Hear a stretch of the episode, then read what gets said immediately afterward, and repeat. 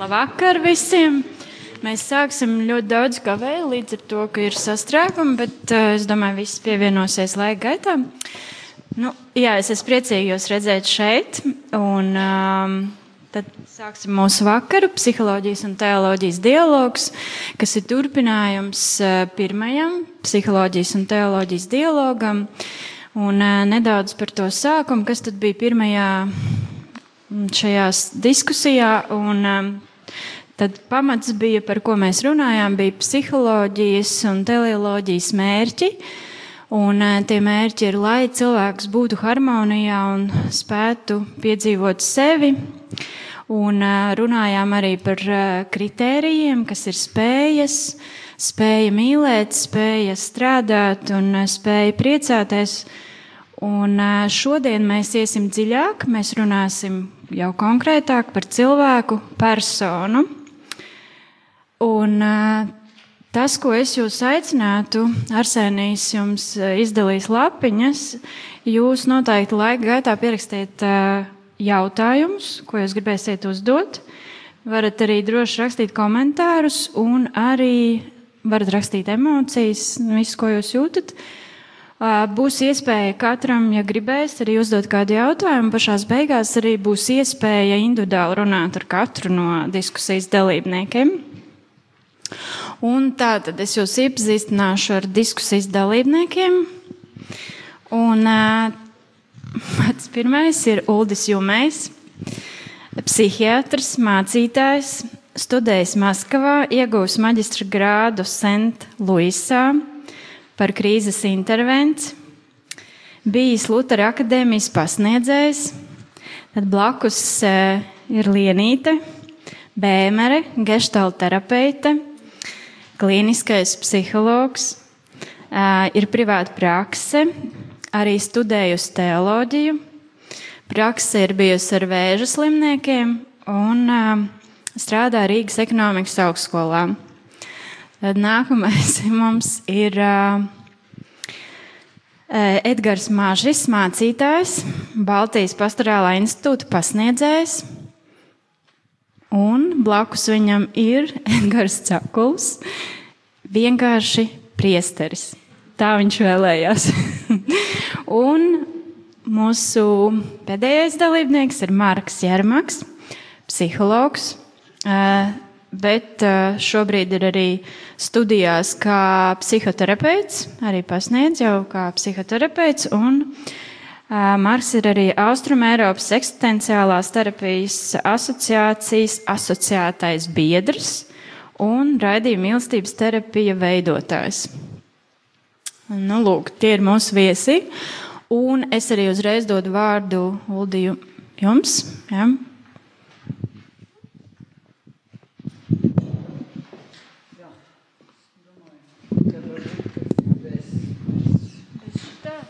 Jā. Vai ir? Vajadzētu būt labāk. Viens, divi, viens, divi, kā saka tie mūziķi, noskaņojot.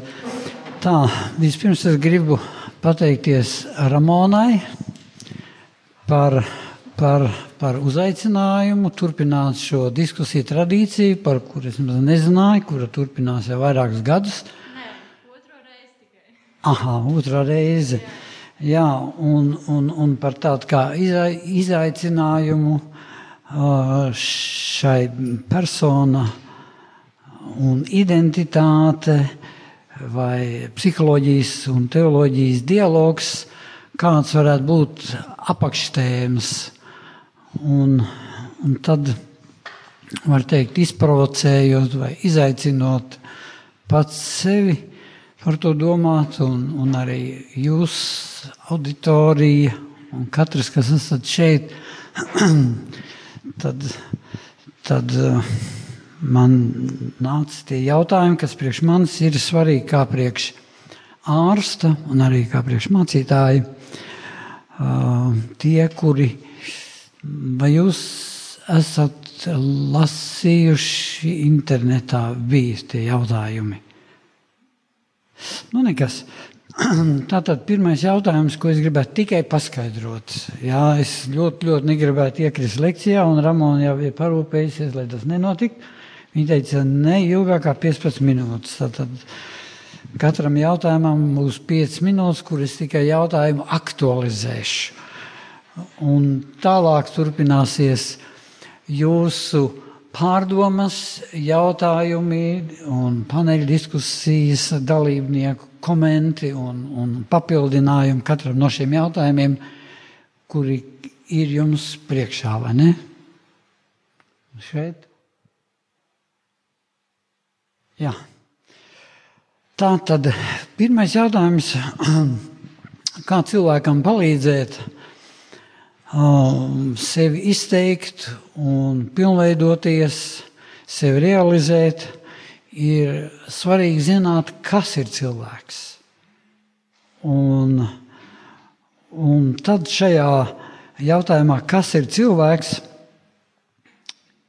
priekš uh, manis ir svarīgi, kā priekš ārsta, uh, cilvēku redzēt terapeitiskā aspektā.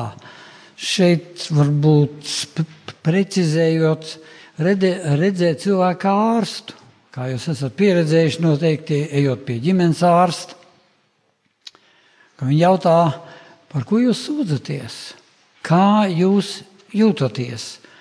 Un, un um, kā jūs gribat un kādā lietā es gribētu, jūs gribētu, lai es jums palīdzu.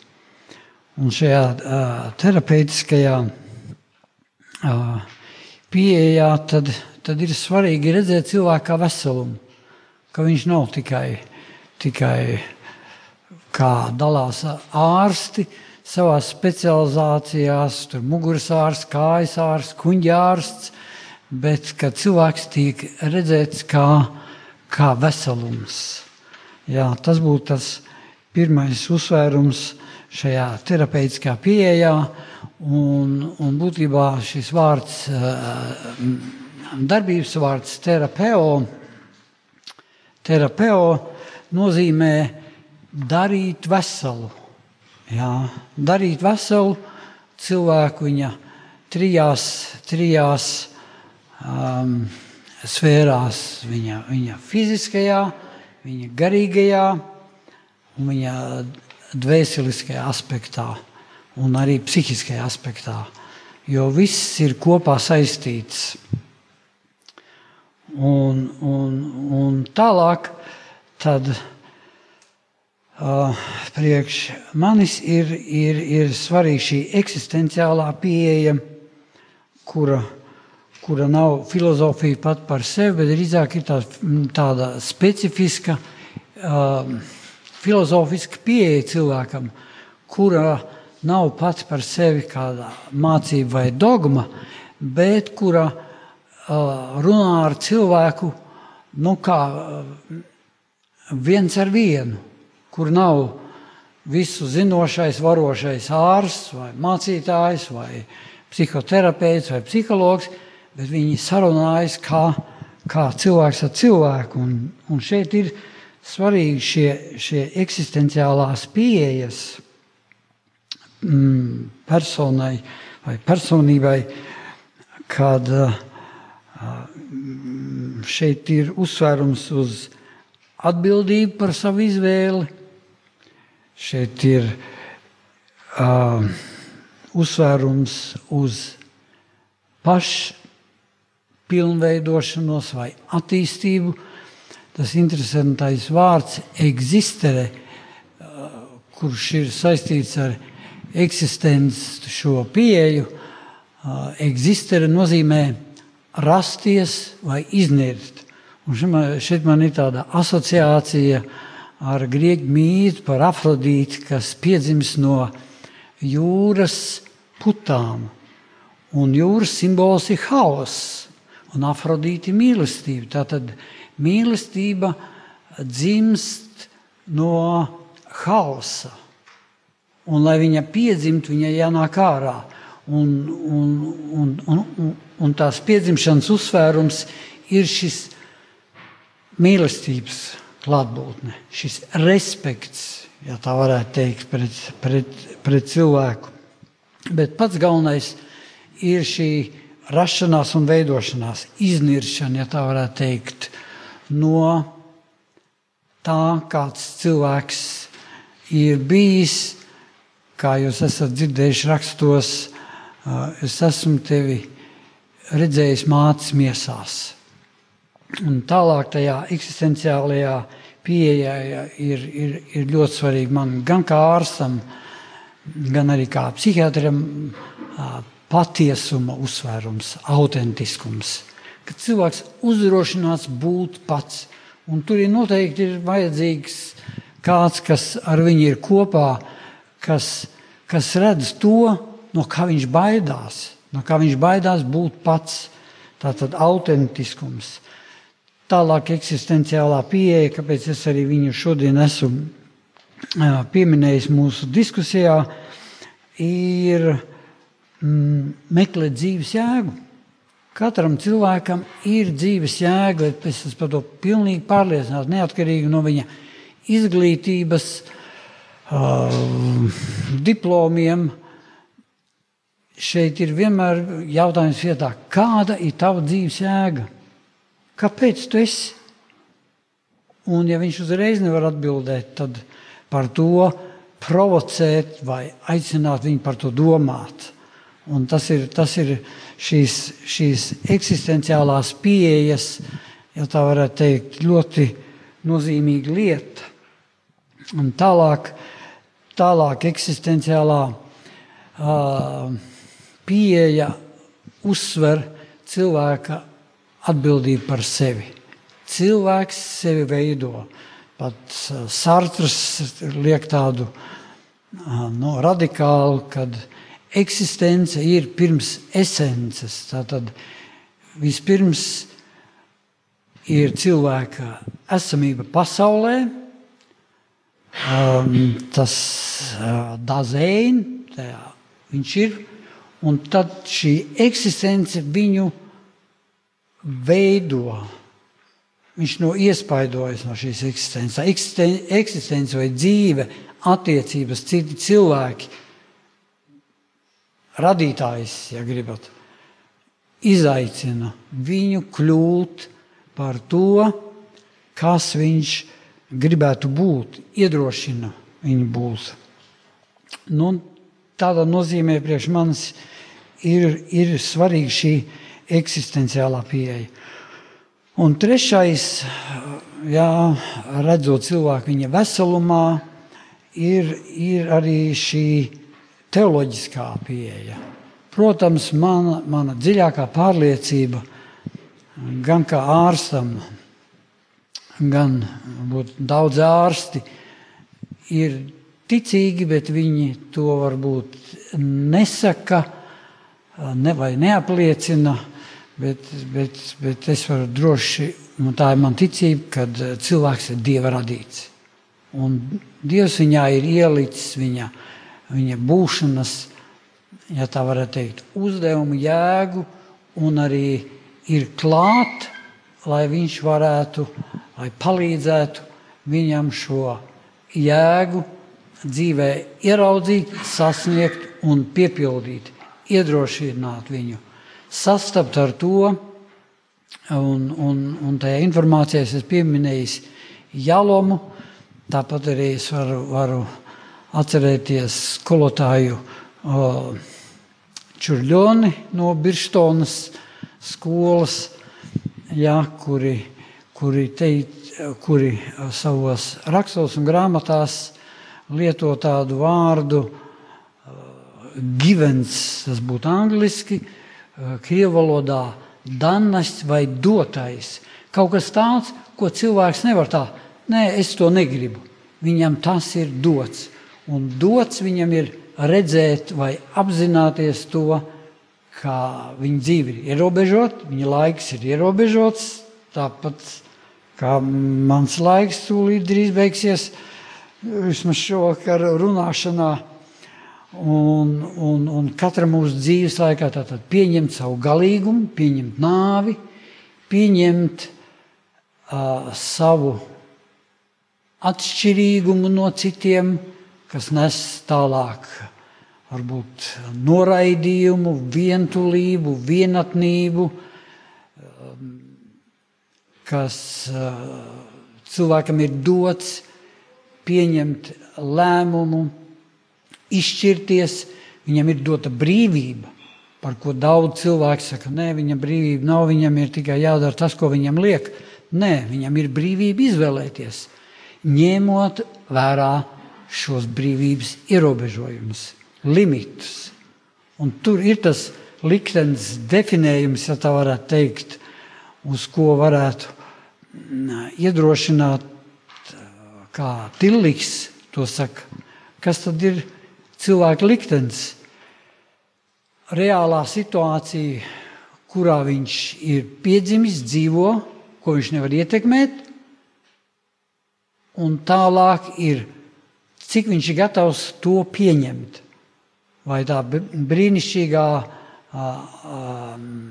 atkarīgo cilvēku lūgšana palīdz Dievs man ieraudzīt, pieņemt to, ko es vairs nevaru savā dzīvē izmainīt. Tātad vietu,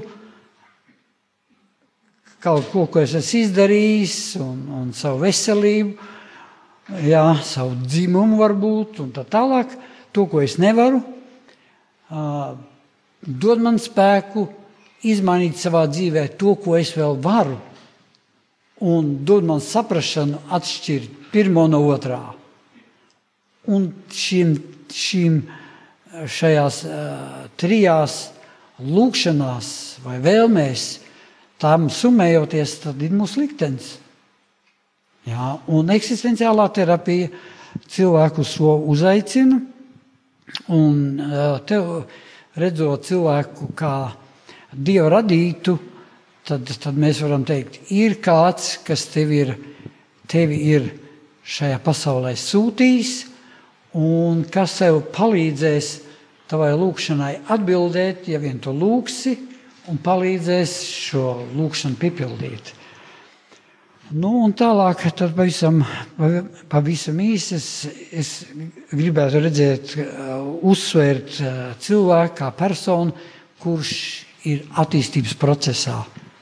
Tālāk es, uh, nākošais ir viņa, viņa identitāte, viņa jautājums, kas es esmu, un tas jautājums, kas es esmu, jau veidojas, ja tā varētu teikt, no viņa pirmā piedzimšanas brīža, kā viņš pieredz zemes gravitāciju, ka viņš ir mātes ķermenī, kur viņam ir viss dots, un viņš nejūt to zemes smagumu, un ka viņš piedzimstot, ja redz pamatīgu gaismu, pamatīgu smagumu sajūtu, un ja viņš vēl nav laicīgi, ievilkt selpu, tad viņš dabūja pirmo pērienu. Jā. Un tagad viņa identitāte ir, kā viss tas notiek. Kā viņš pieredz mātes rokas.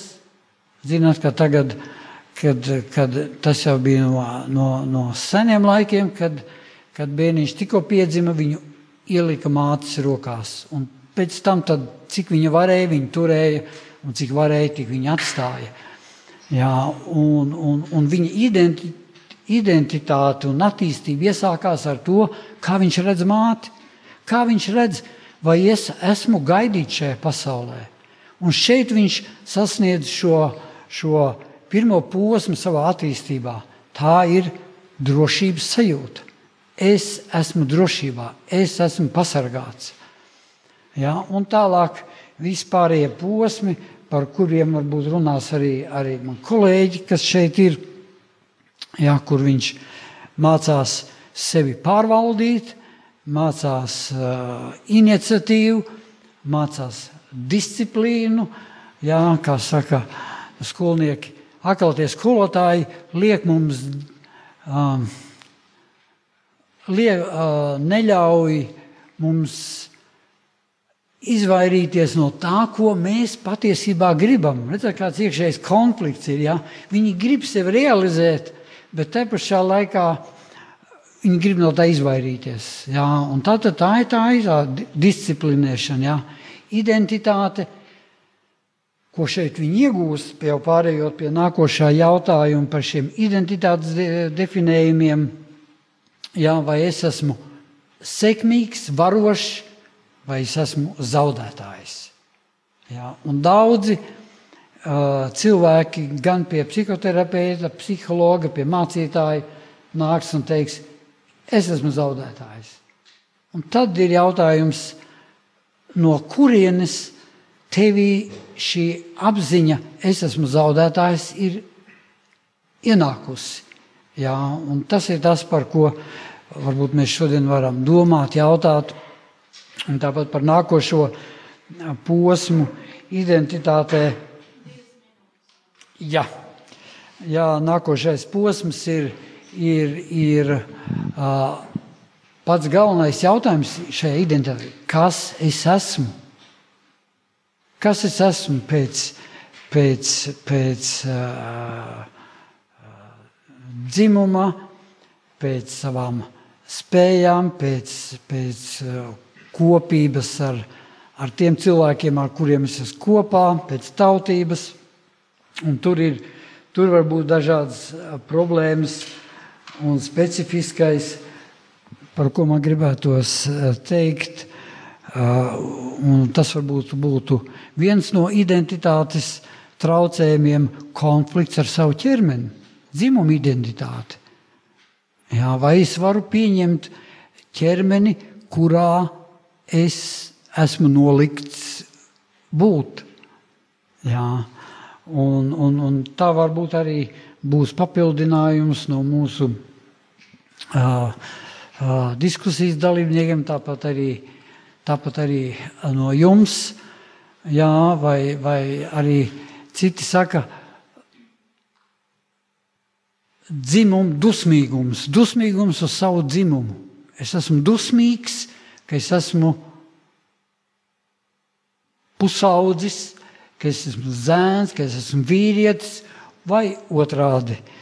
Jā, tā tad Šeit ir tās, tās identitātes problēmas, kuras es gribētu šajā diskusijā pacelt, un kas varētu būt kā personības traucējumiem, kur atkal gan psiholoģija var palīdzēt, kāpēc tu esi dusmīgs uz sevi, kāpēc tu sevi nepieņem tādu, kāds tu esi piedzimis, gan palīdzēt to saprast un, un to pieņemt. Tas ir tas, Trešais tātad identitātes jautājums, ko es gribētu šodien, šodien uh, nolikt jūsu diskusijai. Jā. Tā, tālāk tad papildināt.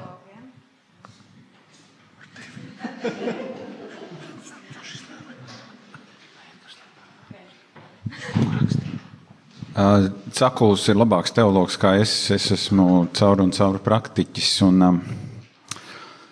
man liekas, ka kristietība ilgstoši ir dzīvojusi dualismā, kur cilvēks mākslīgi ir ticis sadalīts divās daļās, vismaz divās daļās. Un, līdz ar to nu, varētu teikt, baznīca, lai rūpējas par dvēseli, tur ārsts par uh, miesu. Uh, Un psihoterapeits, nu, to, ko mācītājs nārsts nevar izdarīt, tad viņš ņemās par abiem. E, tas būtu būt ļoti primitīvi, ko es jums teiktu.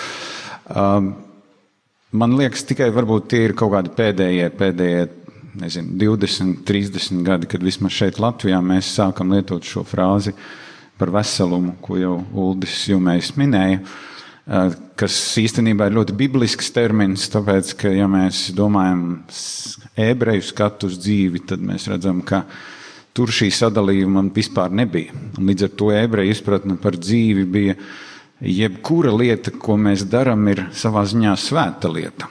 Jā, jo, ziniet, kristieši mēs dažreiz sakām, ir, ir, ir garīgas lietas un ir laicīgas lietas. Un tad jūs zināt to trešo garlaicīgas. Uh, bet, uh, bet mēs, mēs sakām, nu tad, ja mēs runājam par Jēzu, tad tās ir garīgas sarunas. Ja mēs runājam par ziemas riepām, tās ir laicīgas sarunas. Bet, bet viens ebrejs teiktu, tās ziemas riepas ir tikpat garīgas kā tava saruna par baznīcu vai, vai, vai par to, kādā veidā tu rokas lietas, ka tu lūdz Dievu.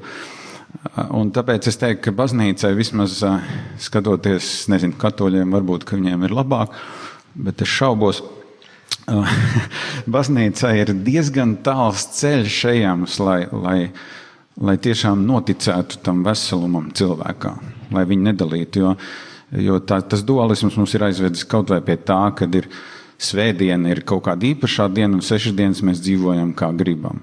Ja, bet svētdien mēs saņemamies, un tad mēs esam ļoti garīgi. Tad pārējās dienas, nu, kā tur sanāk. Bet tagad Edgars Cakulis, viņš ir, viņam atnāca tagad iedvesmas, došu viņam mikrofonu. 12 minūtes. A, cik man bija? Ah, okay. A, tas ir četra, četrā pusē tikai. Četrā pusē mēs izmērījām. Nu, ņemot vērā, ka mācītājs Edgars runāja ļoti maz, es izmantošu iespēju un paņemšu viņa minūtes savā, savā labā.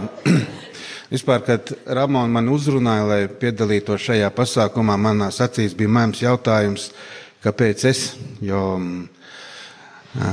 redziet, savulaik Jāzepam Vītolam lūdza kļūt par tikko dibinātās atturībnieku biedrības seju, Uz ko dižais komponists atbildēja, ka šajā lietā viņš varētu būt tikai negatīvs piemērs. Lūk, nu, es gribēju teikt, ka es neko daudz nezinu par psiholoģiju. Jā, un Ramona man deva ļoti tiešu, kā jau kristiešu vidē pienākas, bet nediplomātisku atbildi. Viņa teica, nu, pagājušā reize bija pārāk akadēmiska un intelektuāla. Es domāju, kas tad būs. Tad es ieraudzīju savu draugu mažu Un es sapratu, ka ir cerības uz intelektu. Matemātiķis tomēr. Tas tā. Bet nedaudz, nedaudz nopietnāk redziet, nu, taisnība jau Edgaram ir, ka bieži vien tās um, izteikti garīgās lietas ir bijušas prioritāras, bet, ja paskatāmies uz baznīcas mantojumu, tad varbūt neapzināti, bet uh, garīdznieki ir veikuši arī šo šo psihologa vai pat psihoterapeita kalpojumu, runājot ar cilvēkiem un, un, un tam līdzīgi. Es gribu oponēt, ka pēc mācītāja parasti nāk apreces, nevis uh, psihoterapeits, bet nu, tas ir interpretācijas jautājums. Mums tā ir, bet es arī sapratu, kāpēc, es tagad beidzot sapratu, kāpēc Edgars man prasīja, kāda man ir mašīna, vai viņai ir viss kārtībā, jo tās ziemas riepas atklāja to lielo veselumu. Ja runājam par, par veselumu, redziet, man šķiet, ka jebkurš tāds profesionāls kalpojums sabiedrībā ir ārkārtīgi vērtīgs. Un man šķiet, ka ir grūti pārvērtēt īpaši mūsdienās psihoterapeita, psihiatra darbu. Man par cik, nu, Pat cik es šajā jomā neko daudz nezinu, atkārtošos, man vienmēr bija tāda liela kompleksa, es nevarēju runāt mierīgi ar psihoterapeitiem. Man plus, puse no klases biedrinēm ir psiholoģi. Un tad es sadūšojos, manā mūsu baznīcā gāja tāds krietnes cilvēks. Viņš tagad ir mūžībā viens no labākajiem Latvijas psihiatriem, praktizējošiem psihiatriem. Viņš palūdza iesvētīt viņam dzīvokli, un tad es sadūšojos, uzdevu tiešu jautājumu. Es teicu, doktor, kā jums šķiet, es esmu psiho, psihiski vesels. Viņš paskatījās uz mani tādu caurjošu ilgu skatienu.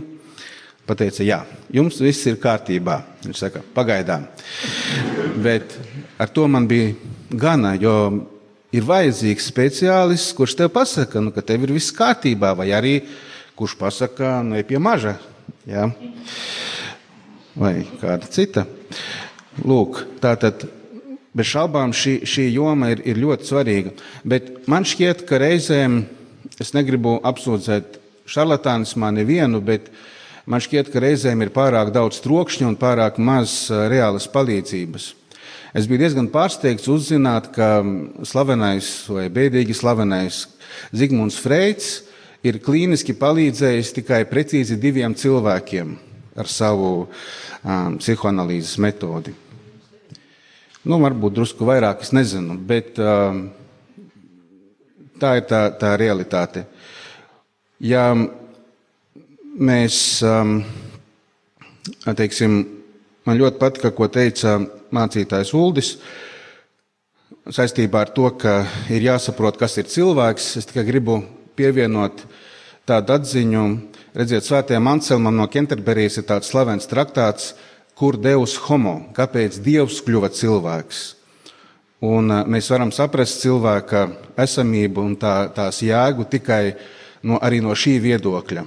Kāpēc Dievs kļuva cilvēks? Un Dievs mūs mīl tādus, kādi mēs esam. Dievs negaida, lai mēs kļūstam perfekti, lai mūs mīlētu. Un tas arī dod daudz spēka un cerības, jo paradīze šeit virs zemes nebūs. Nebūs nekāda übermenša, 4,5 minūtes, jā, paldies. Un um, ar to ir jārēķinās, bet ir nemitīgi jāaug. Tā skaitā izmantojot uh, psiholoģijas uh, profesionalitāti. Un pats pēdējais, kā, kā priesteris, es gribu uzsvērt, ka ir um, jānovērtē un jāizmanto tas, ko Dievs dod tiešā veidā. Mm, varbūt mūsu brāļi protestanti mani nesapratīs, par ko es vispār runāju, bet es ilustrēšu ar vienu piemēru. Pie manis atnāca, nepūt, nepūt, ir labi. Pie manis atnāca kāds cilvēks, kurš ir absolūtais eksperts, es nezinu kompetentāka cilvēka par viņu, kādā konkrētā jomā, kas gluži nav psiholoģija. Un viņš bija nonācis individuālās grūtībās, kas skāra tieši šo jomu. Mēs parunājām, ja mēs esam labi draugi, un um, es sapratu, ka es neko nevaru viņam palīdzēt, ja viņš ir daudz kompetentāks par mani. Un tad viņš teica, ziniet, priesti, Edgar, pārliksim to visu uz. Es gribu grēksūdzi. Un es viņam uzreiz teicu, bet klausies, es tev neko nevaru palīdzēt. Tu esi tiešām, viņš teica, dod man tikai vienu absolūciju. Un tā grēksūdze bija ļoti īsa, bet šī cilvēka problēmas atrisinājās nākamajā dienā, tas ir fakts. Tātad reizēm Dievs ļoti labprāt nāk palīgā mūsu gan nekompetencei, gan kompetencei. Paldies. Jā? Jā.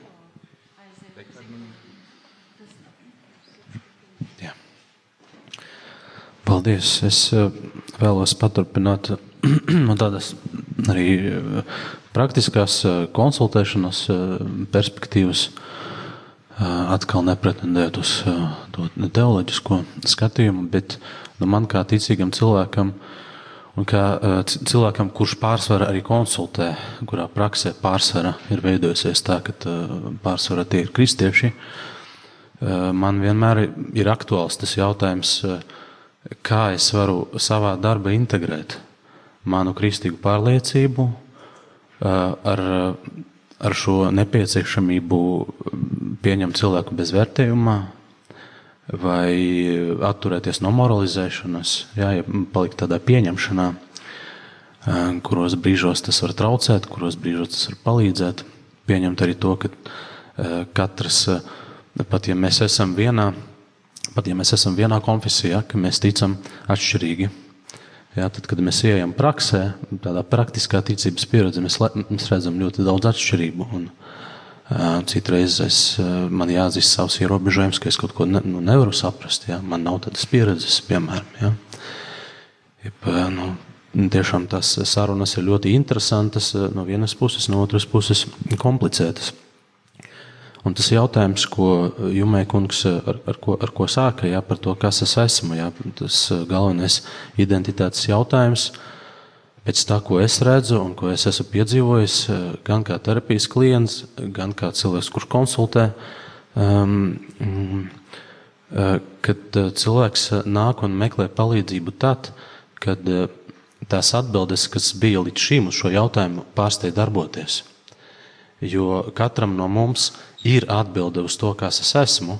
Tā var būt apzināta un neapzināta. Jā, mēs varam par to reflektēt vai nereflektēt, bet uh, tas ir un tas veido fundamentu tam, lai cilvēks justos daudz maz stabili mainīgajā pasaulē un visās krīzēs, ko mēs piedzīvojam. Un tad, kad šīs atbildes mm, nu, neatbilst vajadzībām, neatbilst aktualitātēm, kaut kādiem jauniem izaicinājumiem, vai cilvēks piedzīvo krīzi un sabruktā identitāte, tad viņš piedzīvo ciešanās un, un, un meklē nu, šīs jaun, jaunas atbildes uz to pašu jautājumu. Un, un tas, ko es vai, vai mani kolēģi, ko, ko, ko mēs varam darīt, mēs varam cilvēku pavadīt tādos meklējumos, dzīves pieredzes, dzīves redzējuma, kaut kāda izpēte, jo visas šīs atbildes ir. Tās ir mums iekšā, un tā identitāte nekad neaprobežojas ar kaut kādu vienu punktu. Tas, tas nu, dod tādu optimismu. Ehm, tas, ko es redzu tādā nu, praktiskā darbībā, ka, piemēram, cilvēks, kurš piedzīvo identitātes krīzi, tas, kas palīdz, ja mēs, ja mēs mēģinām paplašināt viņa izpratni par to, kas viņš ir. Es iedošu tādus trīs konkrētus piemērus, kas nav par konkrētiem cilvēkiem, drīzāk tādi kā, tādas kā ilustrācijas. Piemēram, sieviete, kas ir nogurusi, kas ir pārgurusi no bērna audzināšanas, no maisēmnieces lomas, kuru kādreiz uztvēra ar sajūsmu. Jā, un redzēja tajā dieva aicinājumu, bet kas ir izdegusi tajā, var piedzīvot ciešanās un meklēt kaut kādu jaunu lomu un jaunu atbildi, ka viņa nav tikai mamma, un ka viņa nav tikai sieva vai tikai maisiemniece, bet ka viņa var būt arī profesionālis. Vai ka viņa var būt uh, uh, draudzene. Ja? Uh, vai ka viņa var būt seksuāla būtne. Ja tas atbildes var būt ļoti dažādas. Bet uh, tas, kas ārstē un kas palīdz uh, dvēselē, ir tas, ka cilvēks atrod vēl jaunas atbildes, un tādas atbildes, kas nenāk tikai no prāta, bet ko viņš tiešām izdzīvo ar visu savu būtību, kā, nu, kā patiesas. Un tas ir ļoti subjektīvs process, un, un šeit nevar būt nekādas gatavas atbildes līdz ar to. Uh, vai arī cits piemērs, kad pieaudzis cilvēks kurš piedzīvo uh, ļoti sarežģītas, smagas attiecības ar vecākiem vai ar vienu no vecākiem, kuri neakceptē to, ka viņš grib būt brīvs un patstāvīgs, un kuram rodas uh, tāda dziļa vajadzība pārdefinēt to, nu, ko nozīmē būt labam dēlam. Mēs, piemēram, bieži sarunājamies ar klientiem, kuri, um, nu, kuriem ir šīs grūtības ar pieaugušiem cilvēkiem, ar saviem vecākiem, kad es prasu, kā tu saproti bausli? Ko tas nozīmē tavā gadījumā? Godāt tēvu vai godāt māti. Ja? Un šādam cilvēkam iespējams eh, būtu palīdzoši atklāt, ka būt labam dēlam nenozīmē būt paklausīgam dēlam. Ja? Ja, šī viņa identitātes daļa ir novecojusi. Tā neatbilst viņa, eh, viņa vecumam, viņa, viņa tam nu, attīstības posmam. Vai trešais piemērs ir, ka divas identitātes, kas ir vienlīdz svarīgas cilvēkam, nonāk konfliktā. Un es diezgan bieži saskaros, piemēram, ar, ar, ar, ar cilvēkiem, kuri varbūt izējot tādu kristīga entuziasma posmu, eh, kaut kādus piedzīvot arī kaut kādus ša, šaubu, šaubu periodus, eh, arī vilšanos. Eh, piemēram, saskaras ar, jaut, ar jautājumu, nu, kā es varu savienot savu kristīgu reliģisku identitāti ar, ar to, ka es esmu seksuāls vīrietis vai seksuāla sieviete. Kā es varu savienot kristīgu seksuālu ētiku, uh, ar reālu dzīvesveidu, ar, ar manām vēlmēm, ar manām vajadzībām, ar, ar mana partnera vai partneres vajadzībām un ilgām. Un, eh, jo ne, nevienu ne otru nevar atmest. Ja rodas vajadzība pēc kaut kādas eh, pārdefinēšanas, un, un tas var būt ļoti sarežģīts process, kas, pavada smagas jūtas, kas atklāja kaut kādas pieredzes sāpīgās, kas kādreiz ir bijušās, kas prasa nu, pārdefinēt nostādnes, kas ir, kas ir pieņemami, kas nav pieņemami tieši man. Šis process ir ļoti interesants. Man jābeidz. Mhm.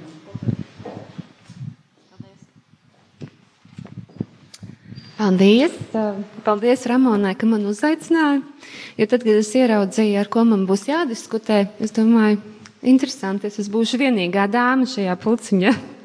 Tā kā paldies. Es arī esmu praktiķi, tāpēc es runāšu tādā, nu, no savas pieredzes. Ja? Un paldies Uldim, paldies pārējiem maniem kolēģiem par, par tādu savu pieredzi un skatījumu. Bet pirmkārt, es gribu pateikt, ka man negribētos uh, konkurēt. Psihoterapija un, un, un, un mācītāja darbs, jā, nu, nu, manuprāt, uh, tas nebūtu gudri. Ja? Jā, katram ir. Nē, es nemēģināšu. Jā, bet uh, es gribu pirmkārt arī paskaidrot uh, par to, kas tad ir gestalterapija. Un droši vien kādam tas liekas tāds uh, diezgan interesants vārds un interesants, ar ko viņi nodarbojās. Ja? Gestalterapija ir uh, psihoterapijas virziens, ja, humāniskās psihoterapijas virziens, kurš līdzīgi kā Daudz citi humaniskās uh, terapijas virzieni attīstījās aptuveni 40. un 50. gados pagājušajā gadsimtā. Ja? Un tas galvenais uh, virz, virziena mērķis ir uh, palīdzēt cilvēkiem apzināties um, ne tikai intelektuāli, bet arī apzināties dziļāk ķermeniski un arī emocionāli to, kā, ko viņi pārdzīvo, apzināties viņu vajadzības un uh, palīdzēt viņiem šīs vajadzības apmierināt vidē. Un, līdzīgi arī Kaulis teica, ka šīs vajadzības bieži vien ir frustrētas jau ļoti agrīnā vecumā. Līdz ar to tas psihoterapeita darbs ir ilglaicīgs darbs. Lai varētu strādāt ar šīm būtiskām, no tādām struktūrālām izmaiņām personībām, ja, kas ir notikušas ļoti agrīnā vecumā. Un, um, un geštāla terapijas tādas galvenās vērtības ir uh, cieņa pret uh, klientu, cieņa pret cilvēku, um, ļoti liela klātbūtne. Ja, manuprāt, bez šī kontakta vienalga, ko mēs darītu, um, mēs nevaram palīdzēt cilvēkam. Tā ir tāda pieņemšana, klātbūtne un um, mm, izpratne un uzticēšanās. Ar to arī sākās patiesībā psihoterapijas process. Mēs varam runāt par ļoti dažādām metodēm, bet ja nav šī, šī pamata uzticēšanās un kontakta, tad mēs varam runāt tikai par kaut kādu simptomu ārstēšanu. Ja? Un, e, tās ir šīs cilvēciskās attiecības. Par identitāti man bija ārkārtīgi interesanti klausīties par to, ka jā, cilvēkam ir jāatbild uz jautājumu, kas viņš ir. Un praksē, lai necik interesanti nebūtu, cilvēki bieži vien negrib zināt, kas viņi ir. Viņi grib zināt, kā viņiem būt par to, ko viņi grib būt. Kas viņi grib būt? Un tad dažkārt es saku, viņi grib būt mazliet svētāki par Jēzu. Mazliet labāki vēl. Ja? Un ir ārkārtīgi augstas prasības pret sevi. Un, un tad ir šie jautājumi, kādēļ man ir vajadzīgs šis, šis te, tik ļoti idealizēts priekšstats par sevi. Ja? Un, um, kā pieņemt patiesībā uh, to, kas es esmu ar visām tām noliektajām pusēm. Ja? Kas ir personībā, ar to, ko mēs esam uzskatījuši par kaut ko sliktu. Un tajā, protams, ir arī daudz piedzīvotas traumas un sāpes. Un tās cilvēks bieži vien, mēs varam runāt par tādu kaunu, um, kur cilvēks slēp no apkārtējiem. Un tā kā prezentē tās sociāli vēlamās um, personības puses. Um.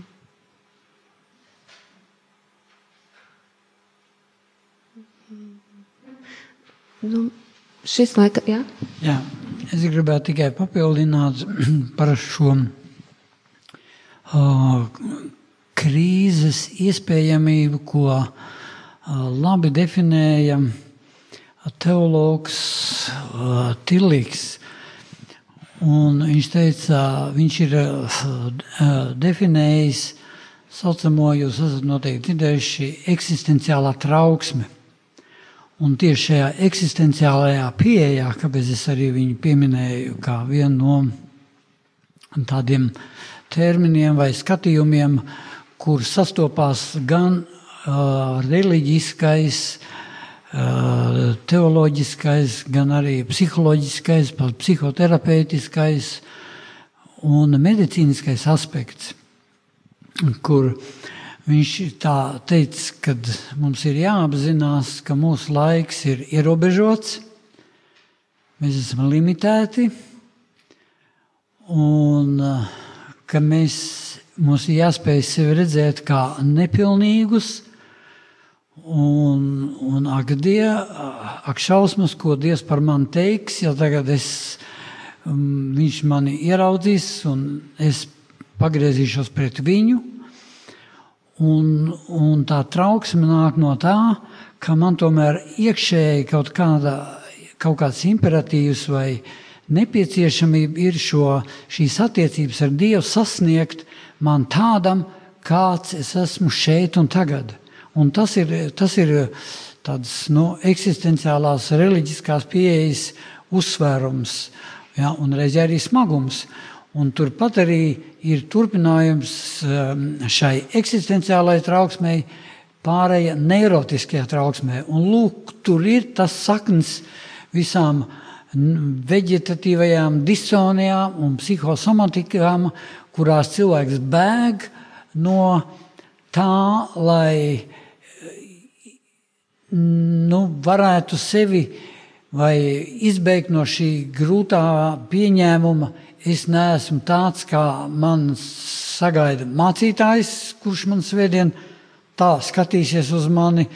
Ak, Dievs, es to bībeli atvēršu, tā būs pavisam traki, viņš sevi nespēja pieņemt. Un, un, un tad tā terapeita uzdevums, un šeit sanāk kopā gan teoloģija, gan psiholoģija, gan uh, psihoterapija, palīdzēt viņam pieņemt viņam sevi tādu, kāds viņš ir. Un vispirms tā ir saruna, tā ir um, kā tu jūties un kā es tev varu palīdzēt un ļaut viņam par to runāt. Paldies! Jā, man sāk jau iepatikties tagad uz beigām no sākuma arī tās, tā kā, nu, mēs iestigām ļoti, ļoti tādās um, apkārt runās, bet tagad mēs ejam jau tā konkrētāk un uh, es gribu vēl pavirzīt tam, kam jūs pieskārāties. Ehm, tātad cilvēks, lai būtu pilnvērtīga persona, nesašķelts, tad viņam ir ehm, jābūt mīlētam, piedzīvot šo mīlestību. Tad eh, tas virziens ehm, teologiem, nu, es domāju, praktiskiem, praktiķiem, vairāk antropoloģiski vai kā mēs nosāksim garīgajiem. Tātad, kā Bībelē teikts, mīli Dievu mīli savu tuvāko kā sevi pašu, tad eh, es gribētu likt šo uzsvaru - mīli sevi pašu. Kā jūs ehm, no šīs teoloģijas puses, kā jūs eh, uz to reaģējat, lai cilvēks spētu sevi mīlēt? Jo par to runā ļoti maz, runā par to, lai mēs mīlam otru, bet kā mēs spējam mīlēt otru, ja mēs mīlam sevi pašu? Un vai cilvēks spēj atrast sevi, būt vesela, um, vesela vienība, nu, miesas un dvēseles vienība, ja viņš nav piedzīvojis šo mīlestību. Tad, manuprāt, uh, tas virziens, uz ko mēs varētu runāt, ir mīlēt sevi pašu, ko, ko jūs varat, um, kā teologu vai psihologu, palīdzēt cilvēkam šajā virzienā, lai viņš pieņemtu sevi. Un, uh, Kā jūs saprotat šo mīlēt sevi pašu?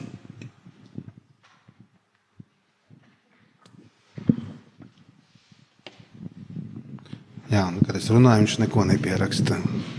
Pilnīgi neko. Man ir laba atmiņa. Jā.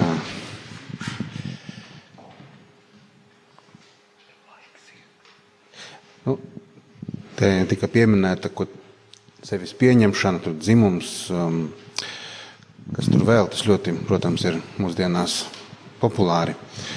Šeit man nāk atmiņā tāds joks, ka nu, tāds sava veida joks, ja tev ir kaut kurā desmitajā paudzē ir bijuši Amerikas indiāņi, tad tu vari sevi deklarēt par Amerikas kontinenta pamatiedzīvotāju, bet ja, ir, ja tev ir konkrētas chromosomas, tad tu nevari sevi atzīt kā vīrieti vai sievieti, bet es negribu par šo tēmu runāt.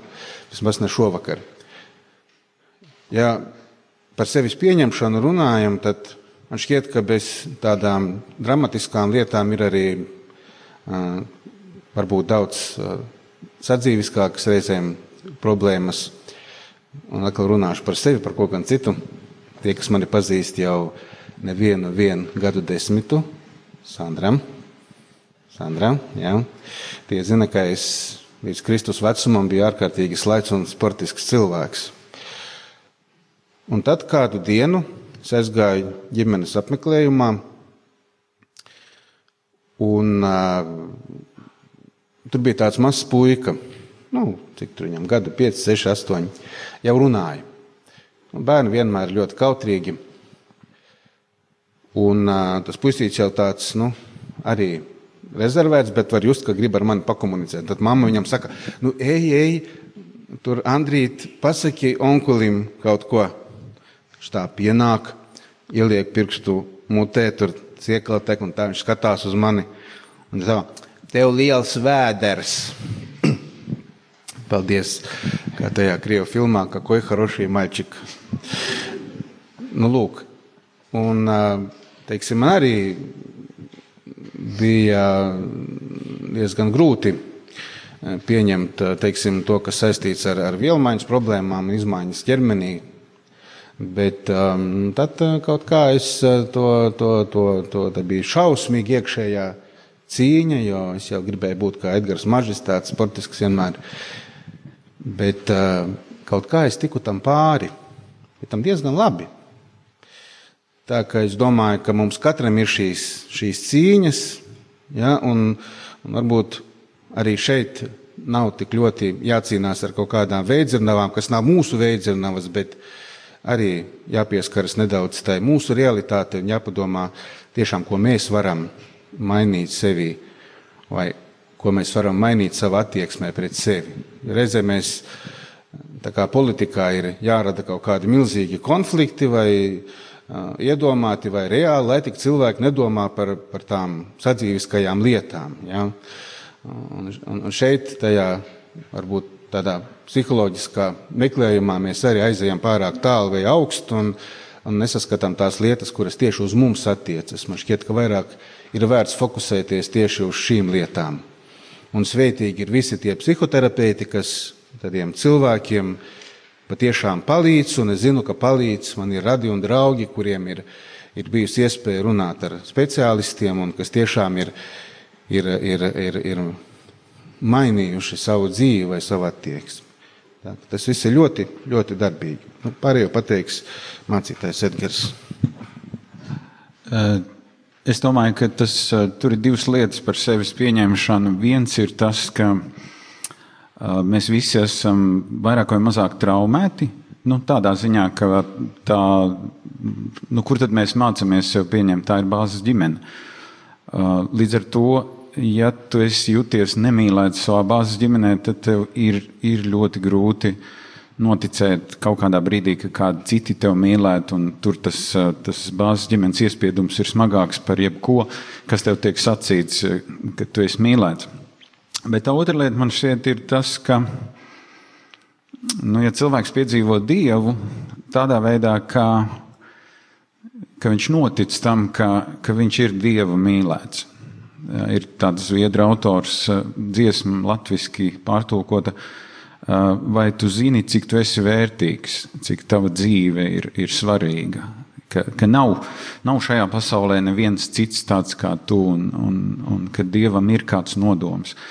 Ja šis piedzīvojums kaut kādā veidā kļūst par tādu labu dzēšgumiju, kas dzēš to, to pagātnes traumu, tad es domāju, tā pieņemtība tādā lēnām, lēnām viņa, viņa notiek. Jo es atceros, uh, man augot, bija arī jāpiedzīvo dažādi, dažādi es teiktu, nu, jā, es atnācu uz Rīgas, es biju ļoti, ļoti sevī nedrošs, un, un, un man likās, man ir trūkumi vairāk nekā sunim tie kukaiņi, kā viņš tur sauc, blusas, vai ne? Un, un tad es domāju, tas, tas bija ļoti traucējoši. Un, un šodien strādājot ar cilvēkiem, es redzu, ka, ka tā ir viena varbūt, no viņu lielākām problēmām. Viņiem ir ļoti, ļoti zemas vērtējums par sevi. Ja? Un, ja tu ļoti slikti par sevi domā, kā tādu sliktu sev mīlēsi, ja? tur, tur atkal ir vajadzīga kaut kāda tā garīgā transformācija, ka, ka mīlestība, eh, ko tu saņem no Dieva, kaut kādā ziņā iedod tev burbuļu acis. Ja? Lūsis Mīts runā par burbuļu acīm, ka mēs bieži vien Mums, mums ir vajadzīgs cits skats uz dzīvi. Ja. Un, un, un tāpēc es domāju, ka, teiksim, ja, ja, ja mēs šeit esam gan, gan mācītāji, gan terapeiti, ka kaut kādā ziņā mums būtu jāstrādā kā cimds ar roku, lai cilvēkiem palīdzētu iemīlēt sevi. Diemžēl dažreiz ir, ir tikai rokas vai ir tikai cimdi. Jā. Nu, tādā ziņā, ka bieži vien mācītājiem ir uh, problēmas ar psihoterapiju. Vēl ir. Mācītājiem ir problēmas ar psihoterapeitu pieņemšanu, un, un arī otrādi. Un arī otrādi. Un, uh, un, protams, cilvēki ārkārtīgi grib kristīgus psihoterapeitus.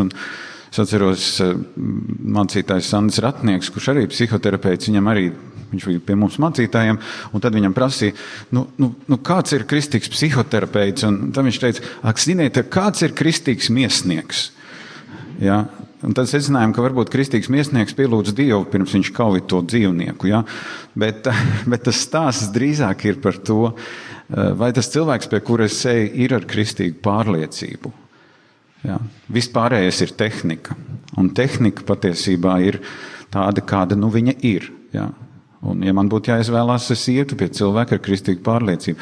Bet tas vēl nenozīmē, ka viņš ir nu, kristīgs psihoterapeits kā termins.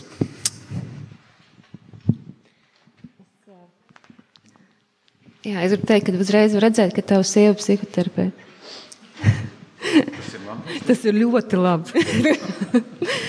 Kura sieva ir psihoterapeits? Jā, un, un es nerunāšu tik ilgi kā Edgars. Nē, tu, tu ļoti labi runā. Vienkārši es, es esmu praktiķis, es runāju konkrēti jā, un īsti. Un es gribu pateikt, jā, tie, tieši tā arī ir, kā Edgars izstāstīja? Bet uh, es kā savā praksē saskaros, ka bieži vien uh, mani klienti kristieši, ka viņiem ir ļoti grūti noticēt Dieva mīlestībai pret viņiem ka racionāli, ar prātu, intelektuāli es to saprotu.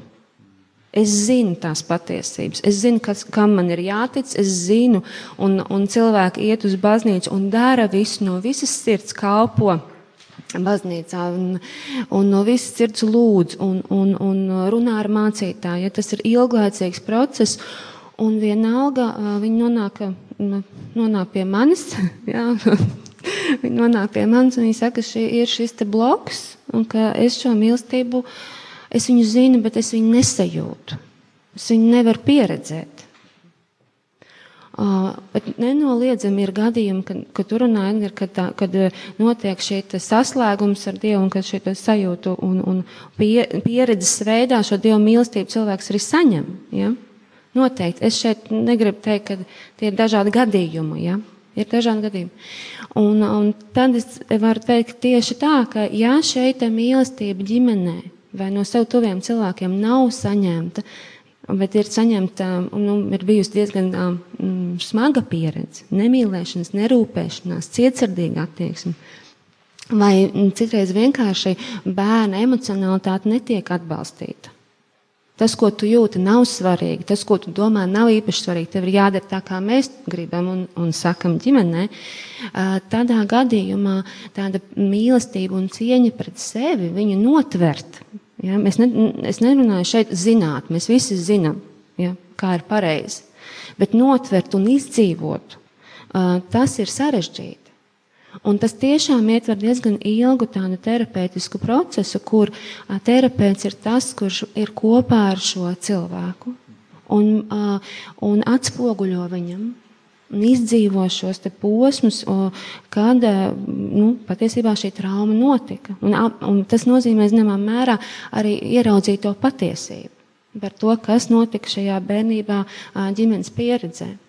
Un bieži vien cilvēkiem patiešām ir tāda Nu, tas ir tāds aizsardzības mehānisms, ko mēs lietojam, lai izdzīvotu, neredzēt to, ko mēs piedzīvojam ģimenē. Ja, tas mums, un, un līdz ar to arī veidojās šie modeļi, kā mēs pēc tam dzīvojam, ejam pa dzīvi. Šis modelis, kad padaram sevi nejūtīgu. Un, diemžēl mēs esam līdz ar to arī nejūtīgi attiecībās, vai ne, Lūdzu runāja par autentiskumu. Mēs vairs neesam autentiski attiecībās, jo mēs neesam autentiski paši ar sevi. Mēs nevaram izveidot kontaktu ar sevi, kāds es patiesībā esmu, kontaktu ar cilvēkiem, tāds kāds es patiesībā esmu, un kas notiek ar kontaktu ar Dievu. Bieži vien mēs sākam veidot attiecības ar Dievu arī līdzīgi kā ar, piemēram, prasīgu tēvu vai māti. Jā, es darīšu to, ko jūs man sakat, bet ja nu es saņemšu baigo sodu par to, kas notiks tad? Un tad ir attiecības, kas tiek veidotas aiz bailēm. Un um, aiz bailēm un aiz pienākuma. Un, uh, nu, tādēļ es saku, ir šis ilgais, ilglaicīgs process, kur. Bet, bet zini, kā man liekas, ka ir uh, grūti, grūti baznīcā. Baznīcai draudzē ir grūti ar tiem cilvēkiem, kuri iet pie tevis. Jo? Jo mēs gribam būt smuki. Jā. Mēs gribam būt smuki. Un tagad tas cilvēks nonāk baigā pretrunā. Viņš atnāk, ja jūs arī šovakar esat šeit, jo jūs gribat būt smuki. Bet, bet kas tur iekšā, to, to Dievs vien zina, kas jums tur ņemās. Ja? Un, un man šķiet, ka baznīca šodien, nu, kā kopiena, nav gatava vienkārši šiem cilvēkiem līdzciest. Un tāpēc tu kaut ko salāpi, bet viņi atnāk baznīcā un viņus atkal Jā. Es gribēju tikai papildināt par, par Lienītu jautājumu, kā noticēt, ka Dievs mani pieņem un mani mīl. Un, un šeit laba pieredze nāk no eģiptiešiem, eģiptiešu tradīcijas, ka tiem, kuriem tas varbūt bija profesionāli nozīmīgi, E, pieredzēt un ticēt tam, ka Dievs viņu mīl un, un būt, būt e, ar Dievu kopā, tad viņi šos zēnus dzemdēja ūdenī. Dzemdēja, lai viņi pieredzētu to, kā kāds viņiem palīdz piedzimt. Un viņi pieredzēja to palīdzību, un tagad tas jau nāk arī mūsu tādā ikdienas praksē, kad ir dzemdības, kuras notiek, notiek, notiek ūdenī. Un vēl otra lieta, kā mēs sevi redzam, tas ir no pirmajiem nu, dzīves, dzīves mēnešiem, kad mēs zīdains redzam mātes acis un ar tādām acīm, ko viņš ieraudzīs šai mātei acīs, ar tām acīm viņš vēlāk skatīsies uz pasauli. Un ļoti grūti būs gan mācītājiem, gan psihologam, gan kādam cilvēkam pārliecināt, ka pasaule vai ka pasaulē viņš ir vajadzīgs, ka viņš ir pieņemts. Bet, ja māte ir nogurusi, ja māte ir depresijā, tad šeit ir ļoti svarīgi līdz cilvēkiem. Ja, iet runa par to, kā mēs varam palīdzēt cilvēkam, um, pieņemt šo mīlestību un noticēt viņai, tad līdz cilvēkiem ir svarīgi palīdzēt tai mātei. Mātei, uh, lai viņas acis nebūtu tukšas no noguruma, negulēšanas, no, no izsīkuma. Jā, kā kādreiz to ļoti pārprot, cilvēks saka, tu tikai tagad atpūties, un mēs būsim ar tavu bērnu kopā. Bet taisnība otrādi, ja viņi palīdzētu mātei atrisināt sadzīves lietas un ļautu viņai būt ar bērnu kopā tādai um, ar, ar, ar, ar spēku un optimismu, tad šis bērniņš zinātu, es esmu mīlēts, es esmu gaidīts, es esmu drošībā. Jo tad viņš iemācīsies mīlēt sevi.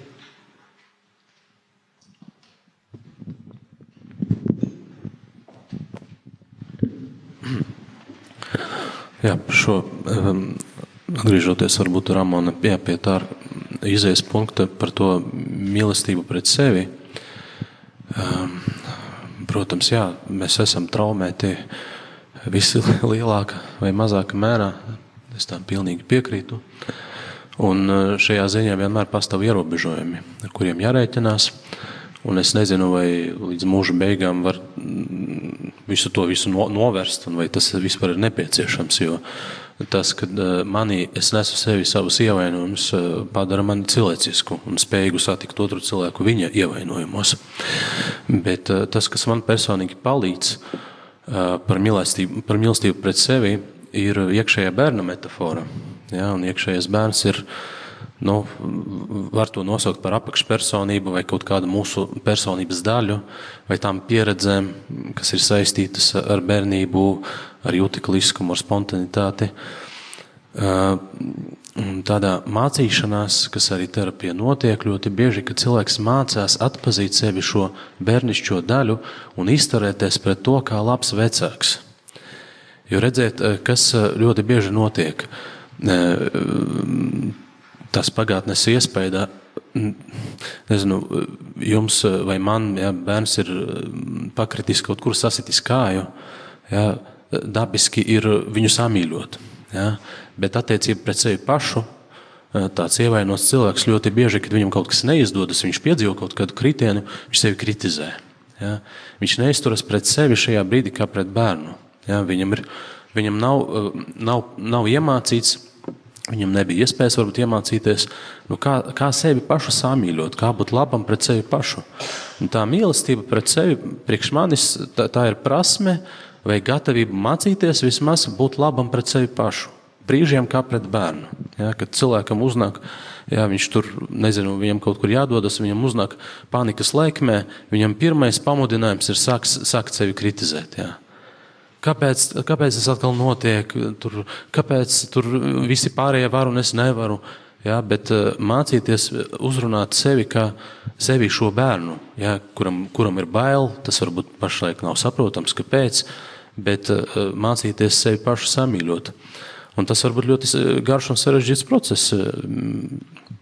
Protams, tas ir atkarīgs arī no, no tām pagātnes pieredzēm, bet vēl ko es gribēju piebilst, ka uh, Eh, tomēr, nu, lai nerodas tāds iespējas, ka, ka pagātne nosaka visu, jo eh, man šķiet, ka tā, tas, kas tiešām nosaka šo, šo, šo lielā mērā šo cilvēka stāvokli, ir, ir viņa narratīvs, viņa stāstījums par savu dzīvi.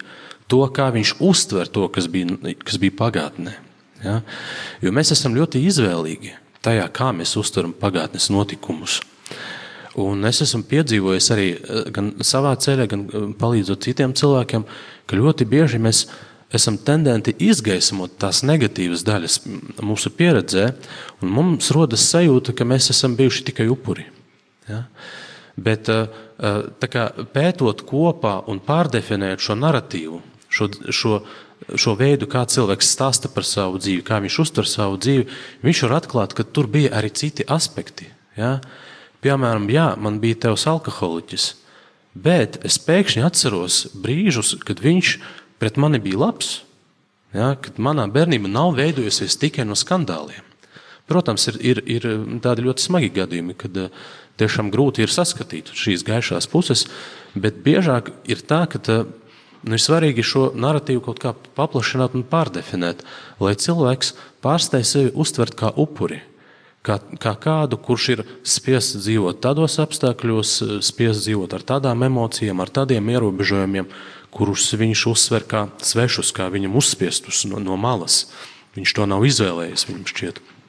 Bet uh, tas var būt ļoti stiprinoši. Ja, kad um, paplašināt to, to redzējumu. Ja, uh, saskatīt, atrast sevi līdzcietību pret tiem cilvēkiem, kas viņu, kā viņam šķiet, ir ievainojuši, kas ir bijuši pret viņu ļauni. Uh, Jo nu, neviens vecāks tā apzināti negrib nodarīt bērnam pāri. Es domāju, tas ir skaidrs. Jā, pat ja tas ir ļoti toksisks vecāks, jā, viņš mīl kā viņš prot. Un, un tas, kas manuprāt ļoti ierobežo mums tagadnē, arī, arī attiecības ar Dievu, ir šī, šis ieradums nostāties upura pozīcijā. Ja, ka es esmu dzīves upuris, ja, kas ļoti bieži nu, nu, neatbilst tomēr, kas ir ļoti šaurs skatījums.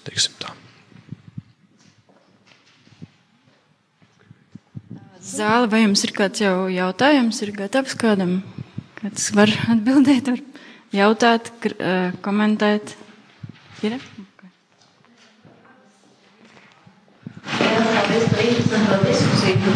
Tāds personīgs jautājums tiem, kas no jums ir visti psihologi psihoterapeiti. Kāds jūsu konflikts ir iekšējais esot gan psihologam, psihoterapeitam un kristietim? vai strādājat tādā ziņā?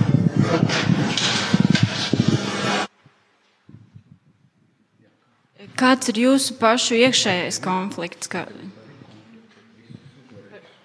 Vajag vēlreiz jautājumu, ja ir skaidrs. Jā, mazliet saraujos no tā jautājuma par iekšējo konfliktu, Bet tāds tiešām var rasties, ja mēs um, kādreiz tā tuvākā mīlestības dēļ patiesībā gribam mīlēt sevi pašu un pasargāt sevi no kaut kāda grūta jautājuma uzdošanas. Un, un tad, ir, tad ir konflikts. Es kā psihoterapeits gribu varbūt izvairīties vai nepateikt, vai teikt, nu, mūsu terapija tagad ir beigusies, ja tā vietā, lai tomēr uzdrošinātos šo cilvēku pieņemt tādu, kāds viņš ir. Ja, ka mūsos varbūt kaut kāda iepriekšējā dzīves pieredze uh, nostrādā, un mēs šajā cilvēkā ieraugām savu māti vai tēvu, jā, pat neapzināti. Un, un, un mēs uz viņiem uz viņu pārnesam savu negatīvo pieredzi. Un tagad es esmu kā kristietis, apzinos, nu, kā es varu šo cilvēku nepieņemt, kā es varu viņam nepalīdzēt eh, mīlēt un sevi un tuvāko, un kā viņam noticēt, ka Dievs viņu ir gatavs mīlēt. Un ja viņš smagus notikumus savā dzīvē nes, un ka viņš saka, kur tad ir tas mīlošais Dievs, kas man ļāva dzīvē pieredzēt saslimšanu, ne, nelaimes gadījumus, tādus vecākus, ir ļoti grūti atbildēt. Es patiesībā tad ļauju viņam palikt šeit un stāstīt un runāt par to un sarunāt ar viņu nākošo tikšanos.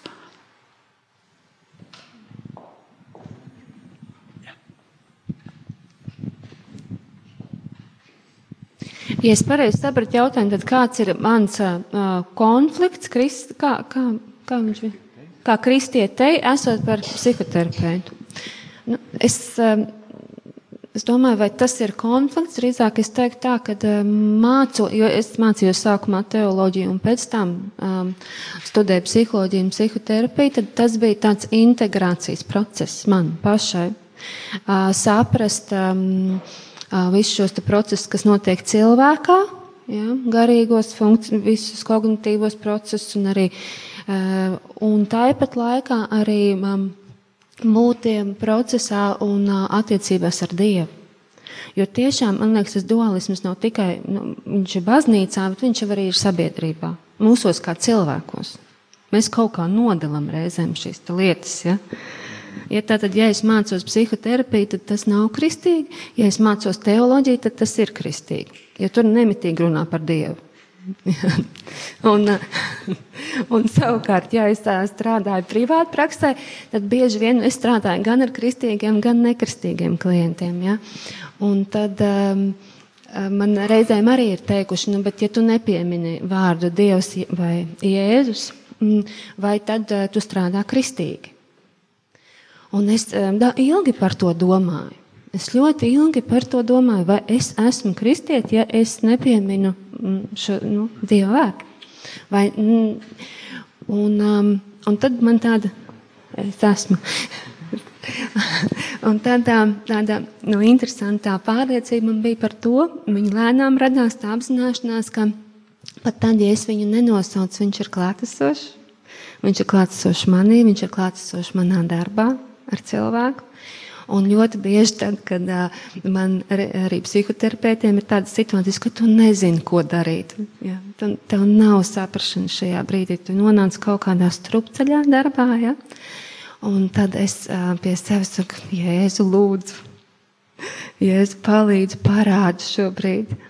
Un, uh, tas interesantais vienmēr ir tas, ka tiešām nu, nu, notiek process. Man liekas, ka viņš man ir lielisks padomdevējs ja, un, un viņš piedalās šajā procesā ar mani. Un, um, uh, jā, kā arī ļoti interesants notiek vispār process, kad strādā. Um, Tev liekas, ka tā stunda, kad notiek terapeitiskais darbs, ir ar uh, terapeitu un klientu kabinetā. Bet patiesībā nu, svētais gars un dievs strādā ar cilvēku nemitīgi 24-7. Un ļoti interesanti, kā dievs iesaistās cilvēku dzīvē starp šīm sesijām.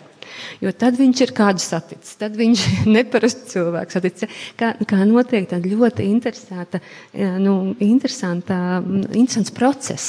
Ja. Šis process notiek un, un, un, un, un, un, un tur piedalās Dievs kā persona.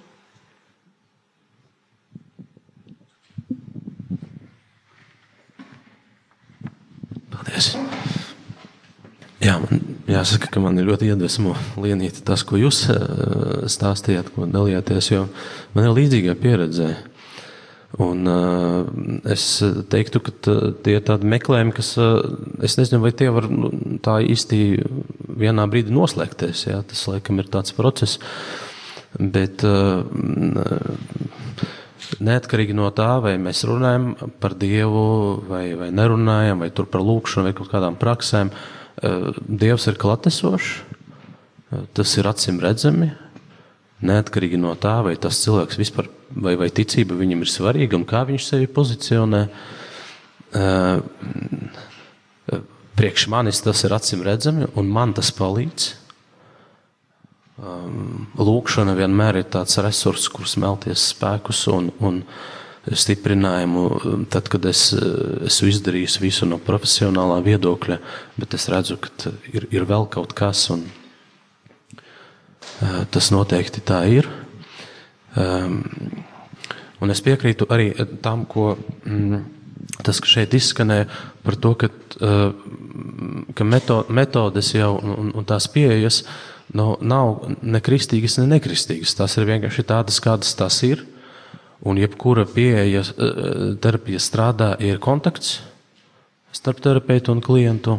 Jā, tad strādās eh, jebkādas metodes. Un, un drīzāk es par sevi runātu, ja sākumā, kad es sāku tikai praktizēt, es sevi pozicionēju kā kristīgu psihologu vai kristīgu tur, topošu terapeitu, tad, tad pašlaik es drīzāk teiktu, ka psihologs kristietis, nevis kristīgs psihologs tajā ziņā, ka eh, nu, psiholoģija ir. Nu, viņi ir no, no, no, no reliģiskā viedokļa neitrāla. Jā, bet, eh, bet eh, tas, kā es ienesu sevi un, un savu personību, visas savas pieredzes procesā, kontaktā, nu, protams, ka es ienesu arī šo, šo, šo ticības aspektu. Pat ja es to negribētu, es nevarētu no tā izvairīties. Jo tā ir divu personu satikšanās. Un, ja tas eh, terapijas process ir ilgstošs un turpinās tur gadu, divus vai trīs, tad eh, nu, es neceros tādu gadījumu, ka mēs nerunātu par, par dzīves jēgu, par, par ticību vai neticību, par cilvēku attiecībām ar Dievu. Tas vienmēr eh, vienā brīdī uzpeld, jo nu, tie, tie ir tie atslēgas jautājumi ja, par to pašu identitāti, ja, uz kuriem katrs ir aicināts atbildēt.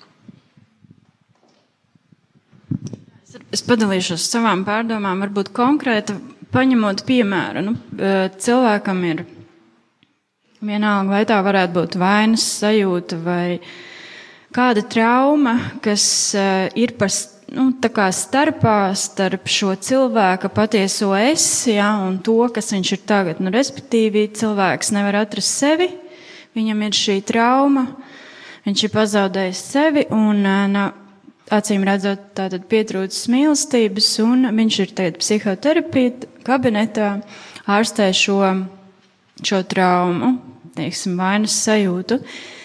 Ja šis uh, terapeits nav, um, nav sevī, nu, kristietis, nav vienotībā ar, ar Dievu, tad, um, piemēram, cilvēks izārstē šo vainas sajūtu, kas paliek tur iekšā, ja tur nav neienāk mīlestība.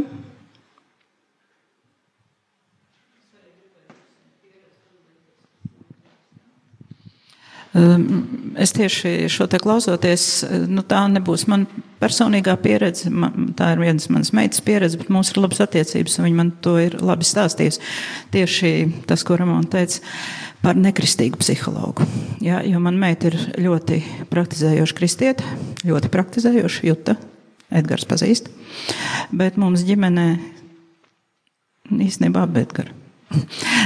bet mūsu ģimenē nu, iznāca tā, ka mums bija kādu laiku jādzīvo kopā ar kādu radinieku, kam bija nu, neuzstādīta diagnoze, bet pēc visas viņa uzvedības, tas bija psihopātisks narciss. Un viņš bērnam darīja pāri. Viņš bērnam darīja to, kas bērnam nepatīk. Jau pavisam maziņu, teiksim, bērns baidījās no augstuma, viņš viņu meta gaisā. Bērns zila balts paliek aiz bailēm, un viņš saka, es viņu pieradināšu, ja, tas bija mazākais, ko viņš darīja. Nu, rezultāts ir tāds, ka bērns no vienas puses ir savā ģimenē audzis mīlestībā, no otras puses šis radinieks viņam ir nu, nodarījis pietiekami daudz. Un bija problēmas liels. Un viņa meklēja sev terapiju, bet viņa apzināti meklēja nekristīgu terapeitu. Jo viņa teica, ka kristiešu viņai apkārt ir ļoti daudz spēcīgu un kristīgā puse tā, tā, kā, kā, tam nav tā problēma nav kristietībā. Un uh, viņi atrada nekristīgu terapeitu. Uh, viņa teica, man vajag vīrieti, uh, tādu drusciņu vecāku par mani gados un nekristīgu, jo tādu viedokli es nepazīstu. Un tas ir tas, kas acīm redzot traucē pašai atrisināt to problēmu, jo nav pilns spektrs.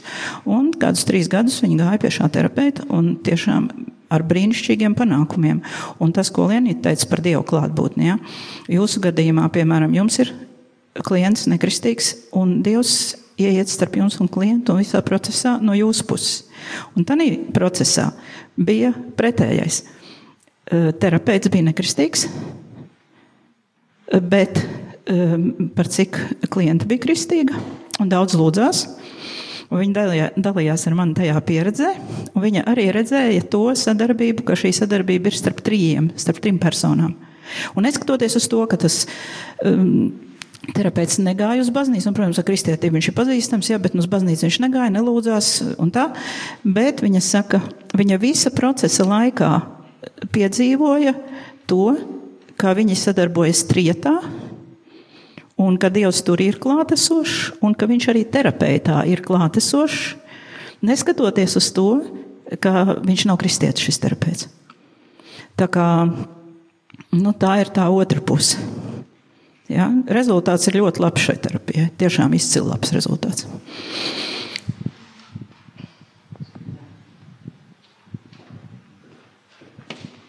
Jā, es šeit gribēju tikai vienu piezīmi teikt, ka patiesībā konfliktam kā tādam nevajadzētu būt, ja mēs respektējam savu klientu kā cilvēku.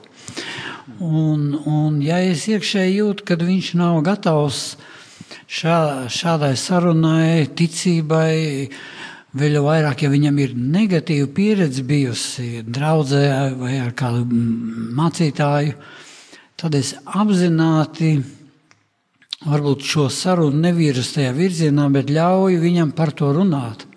Ļauj viņam izrunāt šo konfliktu, ja tā varētu teikt, iet uz tādu izlīdzinājumu, un tad, tad iet viņam to ceļu. Jā. Respektīvi, konfliktam nevajadzētu būt, ja mēs respektējam. Un es esmu kādreiz saviem pacientiem teicis, vienkārši kā viņi man kādreiz ir teikuši. Um, Mm, jā, kā es viņiem teicu, jā, ka es vēl nebiju kristietis, es teicu, es tev vairāk nevaru palīdzēt, kā psihiatrs, kā ārsts. Aizēj, parunājies ar kādu mācītāju. Un tā es arī kādreiz savus pacientus sūtījis, vienkārši aizēj uz dievkalpojumu. Tu redzēsi, kas tur notiks un kas tur nenotiks. Vairāk es neteikšu ne vārdu. Pēc tam izstāstīsi.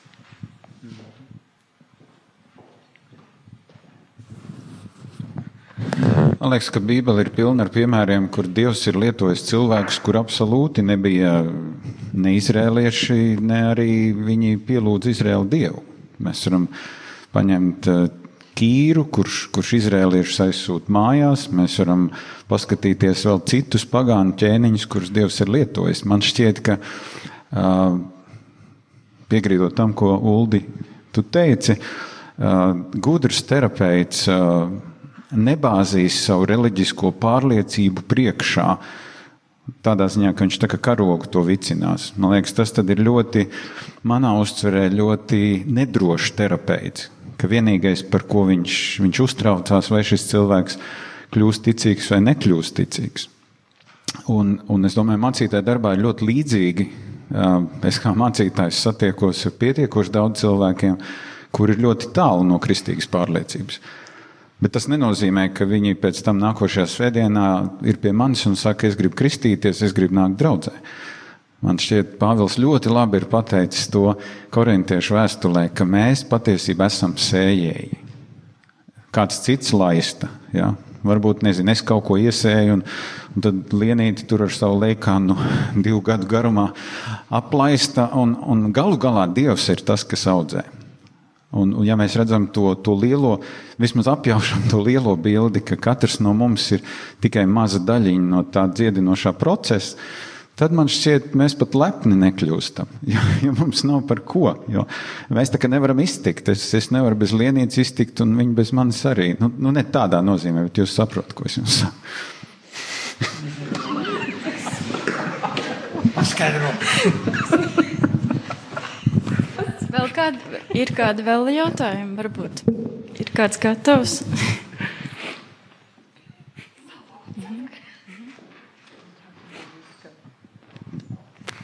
Paldies, es gan nokavēju, bet es ceru, ka um, vispār man ļoti patīk šī diskusija. Man tas jautājums būtu tāds, um, vai jūs um, redziet, un kādu jūs redziet to kaut kādu cietināšanas ceļu, ja um, cilvēkā ir kaut kādi simptomi, kā aizslība.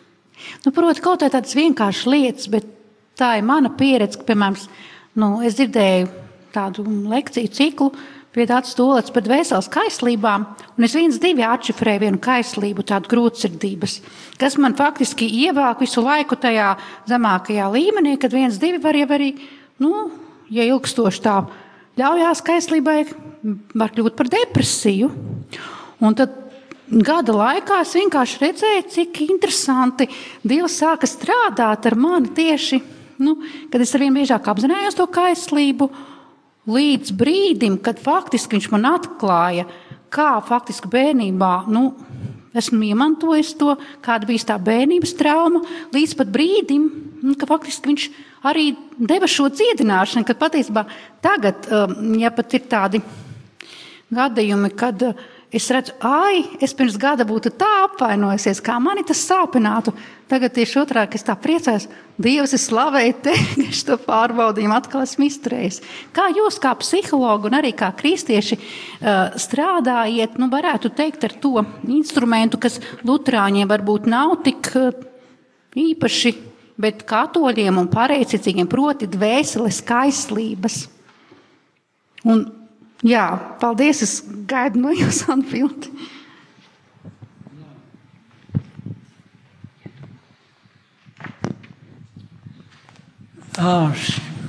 Šajā sakarā bija viens labs jautājums no Rīgas laika man.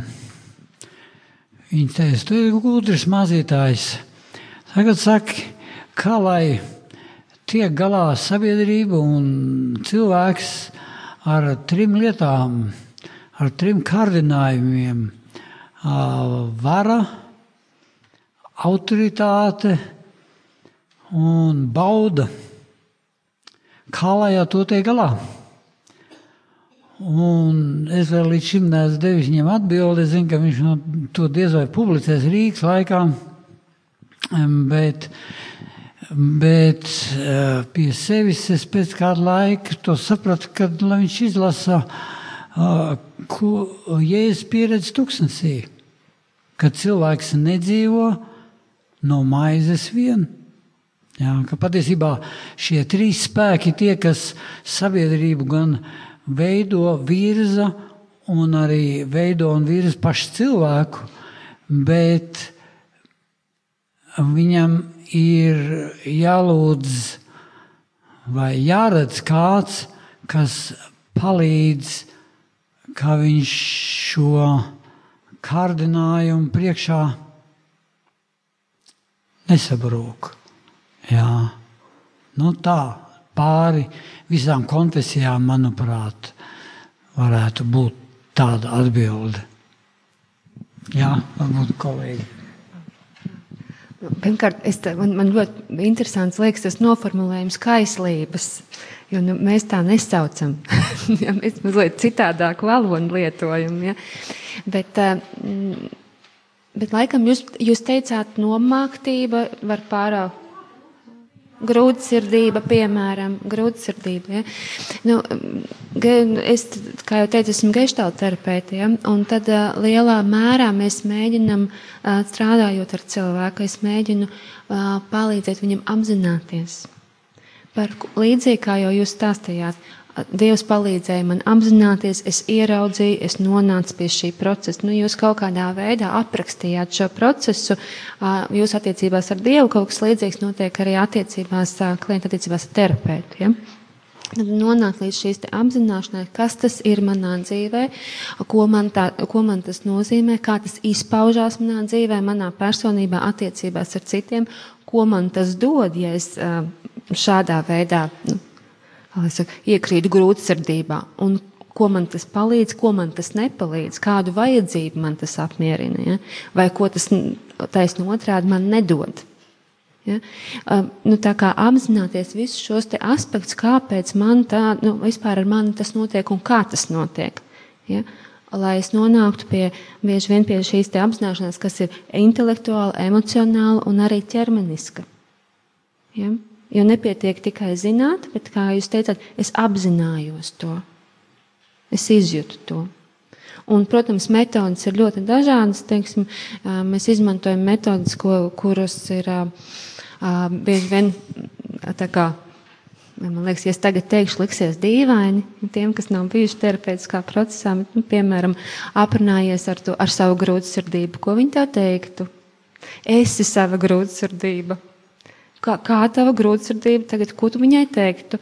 Nosauc, nosauc pastāsti. Ja? Nu, tā kā šīs metodas varētu būt dažādas, uzzīmē savu grūtsirdību. Ja?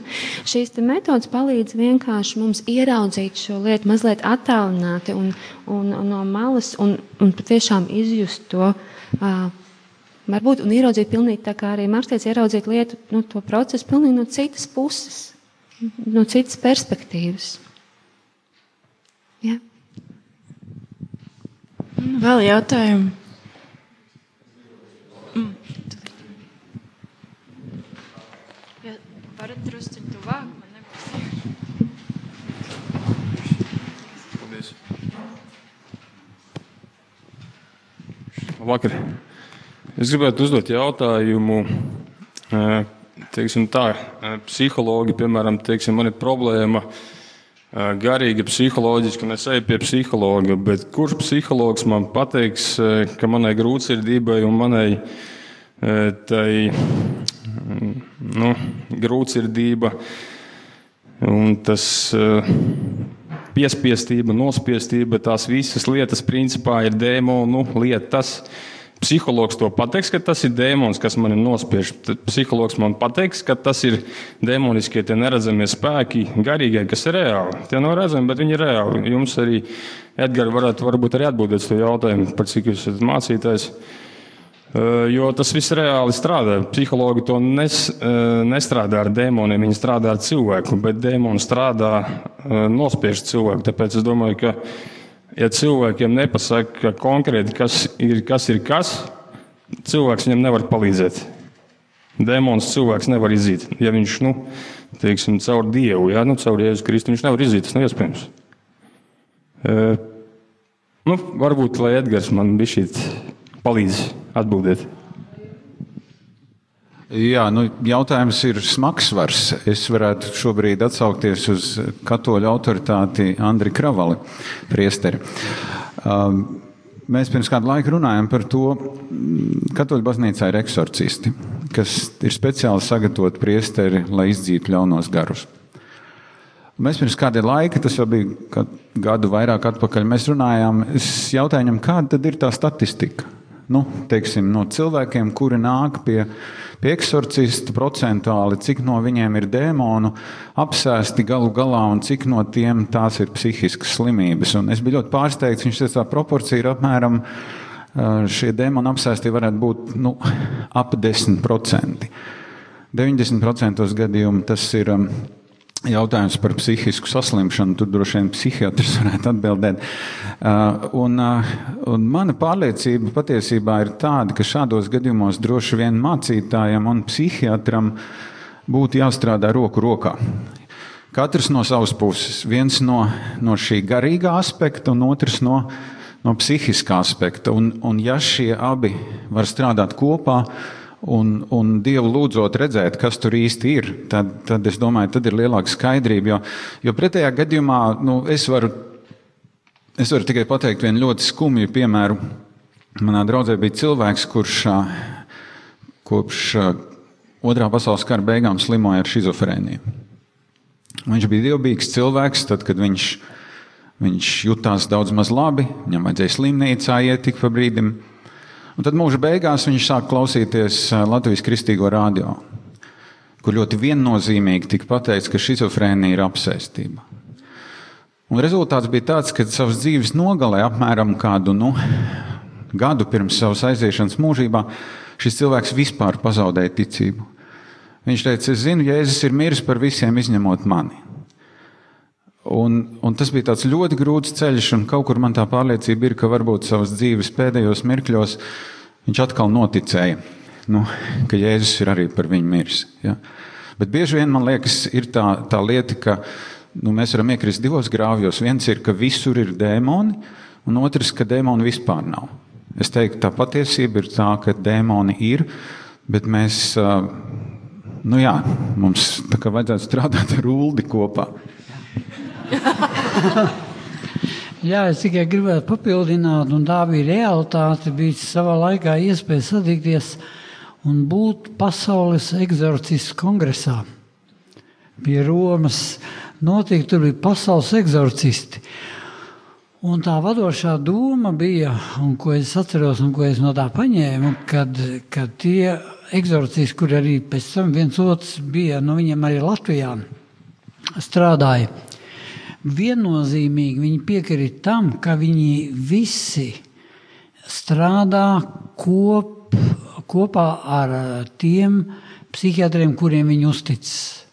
Jo es kā ārsts, kā psihiatrs varētu teikt tā, šie simptomi, šīs izpausmes ir ļoti, ļoti līdzīgas, un tomēr viņas ir atšķirīgas. Un tāpēc tur ir vajadzīgs Un, un, un, un, un varbūt tā pēdējā lieta, uz ko ir kardināti, varbūt arī eksorcisti, un arī par to tur runāja tajā kongresā, ka tikai nu, nevajadzētu to darīt publiski.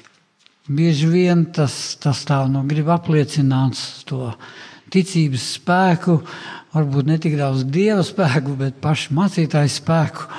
Un tad tas notiek tā kā šī zālē, te priekšā. Nu, tad Ai, Dievs, žēlīgs visiem! Jā, nu es arī esmu Edgars.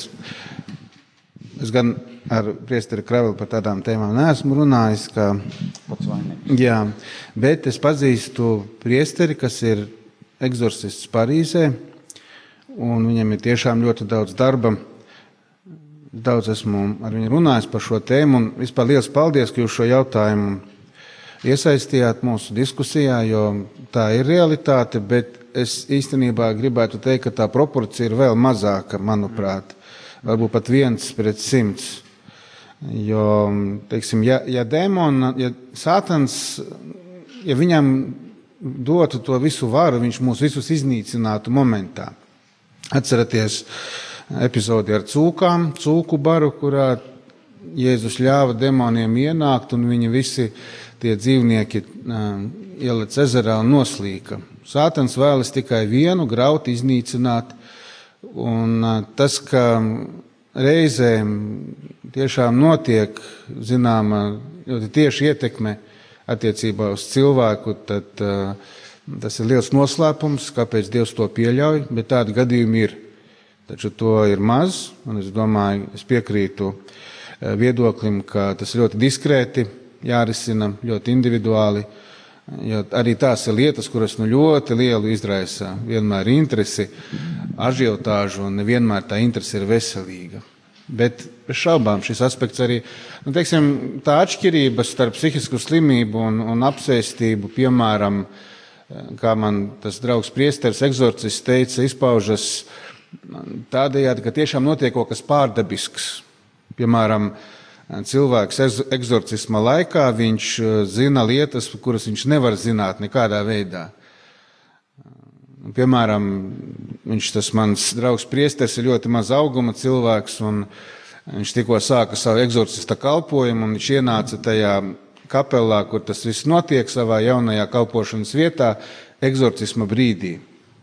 Un tas cilvēks, kurš eventuāli bija apsēsts, viņš sēdēja ar muguru pret durvīm. Un viņš nekad nebija redzējis to priesteri. Un viņš ienāk, un viņš neskatoties, kas tur ir ienācis, saka, ah, sīkais, sīkais atnāca. Ja? Nu, tādas lietas, ja, tā kā, bet nu, tie gadījumi ir ārkārtīgi reti un nevajag uz tiem fokusēties, jo cilvēks kļūst par to, uz ko viņš skatās. Ja, ja tu skatīsies uz to dēmonu, viņš agri vai vēlu pie tevis pieklāvēs. Jā, tikai gribu piebilst, ka Es, man nav pieredze saskarties ar, ar tādiem gadījumiem, kur tiešām būtu tāda acīm redzama demoniska iedarbība, atzīstot šo realitāti. Bet sarunājoties ar cilvēkiem, ļoti bieži viņi stāsta par, nu, par, tām, par to, ko viņi piedzīvo kā par kārdinājumu. Ja, un, un par to, ka demons kārdina, vai, vai, vai, vai nu, tas ir saistīts ar seksuālo jomu, vai kādu citu jomu, nezinu, pamudinājumu uz vardarbību, uz pašnāvību es, tas, ko es mēģinu darīt un ko es priekš sevis esmu atradis kā derīgu tādos gadījumos, ir iziet no, no tā, ka, tā, ja ir kārdinājums, tad ir kaut kāds ievainojums. Ja? Kas sadara šo kārdinājumu. Tas, ko Ignācijs no Loyolas saka, ka nu, viņš salīdzina dvēseli ar cietoksni ja, un, un, un ļauno garu ar ienaidnieku, kurš ir paņēmis šo cietoksni aplenkumā ja, un staigā un meklē, kur ir visvājākā vieta, kur uzbrukt. Un es saku, ka mēs šeit eh, nevaram atrisināt eh, šīs eh, demoniskas iedarbības lietas, jā, tam, tam ir kalpojumi baznīcā, draudzē, bet mēs varam koncentrēties uz tiem dabiskiem ievainojumiem, uz tām spraugām, kas tavā dvēselē ir, tavā pieredze ir, kāpēc tu piedzīvo šos specifiskos kārdinājumus. Un, un, un tādējādi nu, tur es saskatu laicīgā vai, vai, vai kristīgā, jebkādā veidā psihologa vai, vai psihoterapeita kompetenci, kas eh, nu, nepārkāpja garīdznieka kompetenci. Jā, tā kā nu, ne, nepārkāpja to robežu, kas eh, nu, šajā, šajā ziņā, manuprāt, ir diezgan no nu, skaidra. Es gribēju jautājumu uzdot, atgriežoties pie šī vakara tiešās tēmas par identitāti, jo Marks pieminēja mm, šīs lomas un identitātes zaudējumu sakarā ar to, ka kaut kāda loma zaudē savu nozīmi vai, vai kaut kas ar to lomu notiek. Un tad man ir jautājums, vai lomas tas ir kaut kas, vai tā ir identitāte, vai tas ir vienkārši kaut kas ļoti, ļoti tuvs pie identitātes. Ja? Pats varbūt dziļākais slānis, bet kur ir identitāte? Vai identitāte tiešām ir tikai lomās?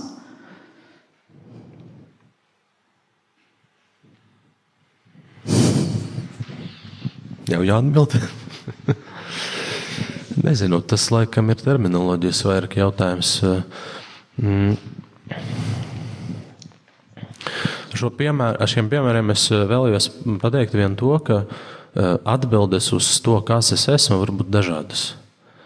Un visas pareizās. Pareizās ir tās atbildes, kas darbojas. Tādas atbildes, kas cilvēku stiprina, ko viņš izdzīvo tiešām nevis tikai intelektuāli, bet ar visu savu būtību, emocionāli, ķermeniski un jebkādā citā veidā. Un tās atbildes ir dažādas, un nu, varbūt loma nav īstais vārds, bet uh, katrā ziņā cilvēks var, var būt reizē, vai ne? Vīrietis, tēvs, uh, darbinieks, jā, draugs, kristietis vai nekristietis un tā tālāk. Un jautājums ir, kas ir tas, ko viņš izdzīvo pašlaik kā problemātisko identitātes elementu. Un, nu, kur mēs šo, šo, šo procesu varam kaut kā nu, attīstīt, paplašināt to izpratni. Nezinu, vai atbildēju. Bet... Jā, es mazliet papildināšu Marku. Uh, identitātes saistās ar personības centru, ar kodolu. Jā, nevelti šeit ir lietots vārds personība.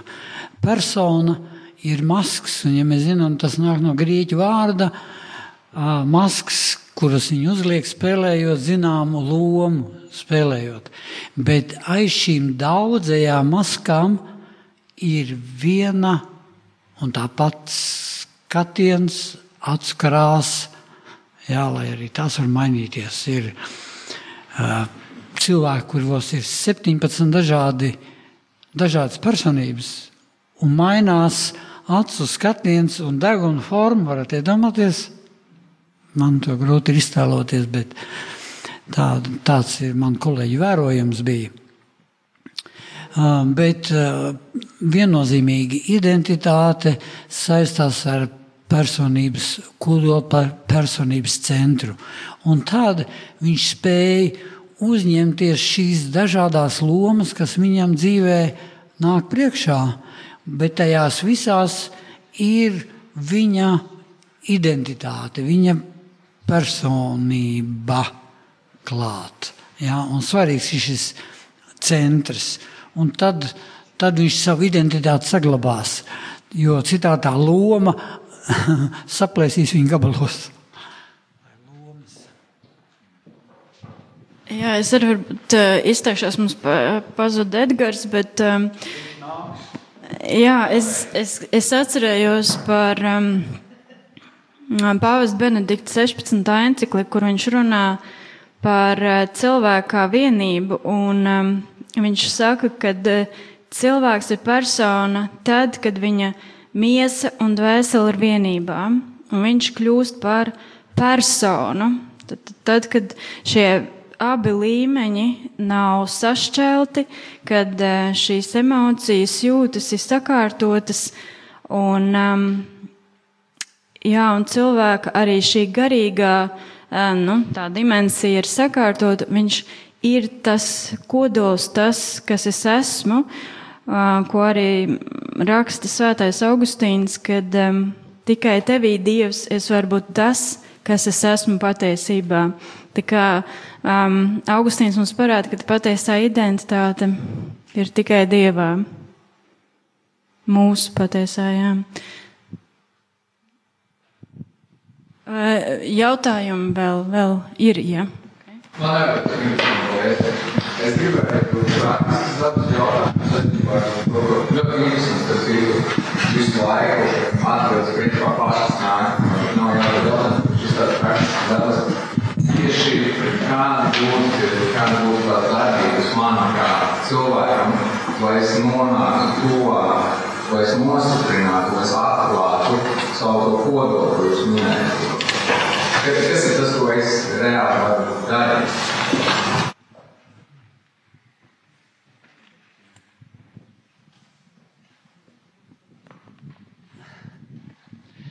Jā, nu, šeit ir tas grūtais jautājums, kas bija šodien pārdomās, kad mēs jautājam ne tikai, kas tu esi, un tad mēs domājam par cilvēku, viņa, viņa fiziskajā, viņa psiholoģiskajā un garīgajā nozīmē, bet turpat klāt ir jautājums, kas es esmu. Gan priekšterapeita, terapeita, gan priekš tā cilvēka, kas, kas pie mums ir atnācis. Kas es esmu?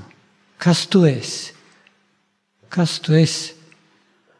Un tas ir. Tas nav viegls jautājums patiesībā. Tas ir jāuzdod, ja tā varētu teikt, un sirds, sirds pateiks sev priekšā. Bet kriterijs ir mīlestība.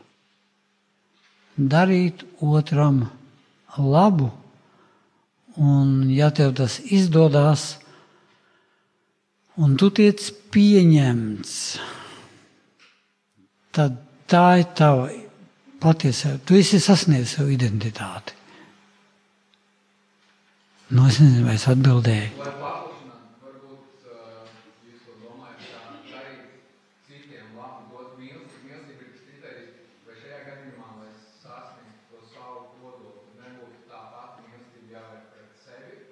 Jā, tas jau arī nozīmē pret sevi. Ja es nemīlēšu sevi un necienīšu sevi, tad man ļoti grūti būs mīlēt un cienīt tos savus ā, līdzcilvēkus, vai, vai, vai bērnus, vai, vai vecākus un tā tālāk.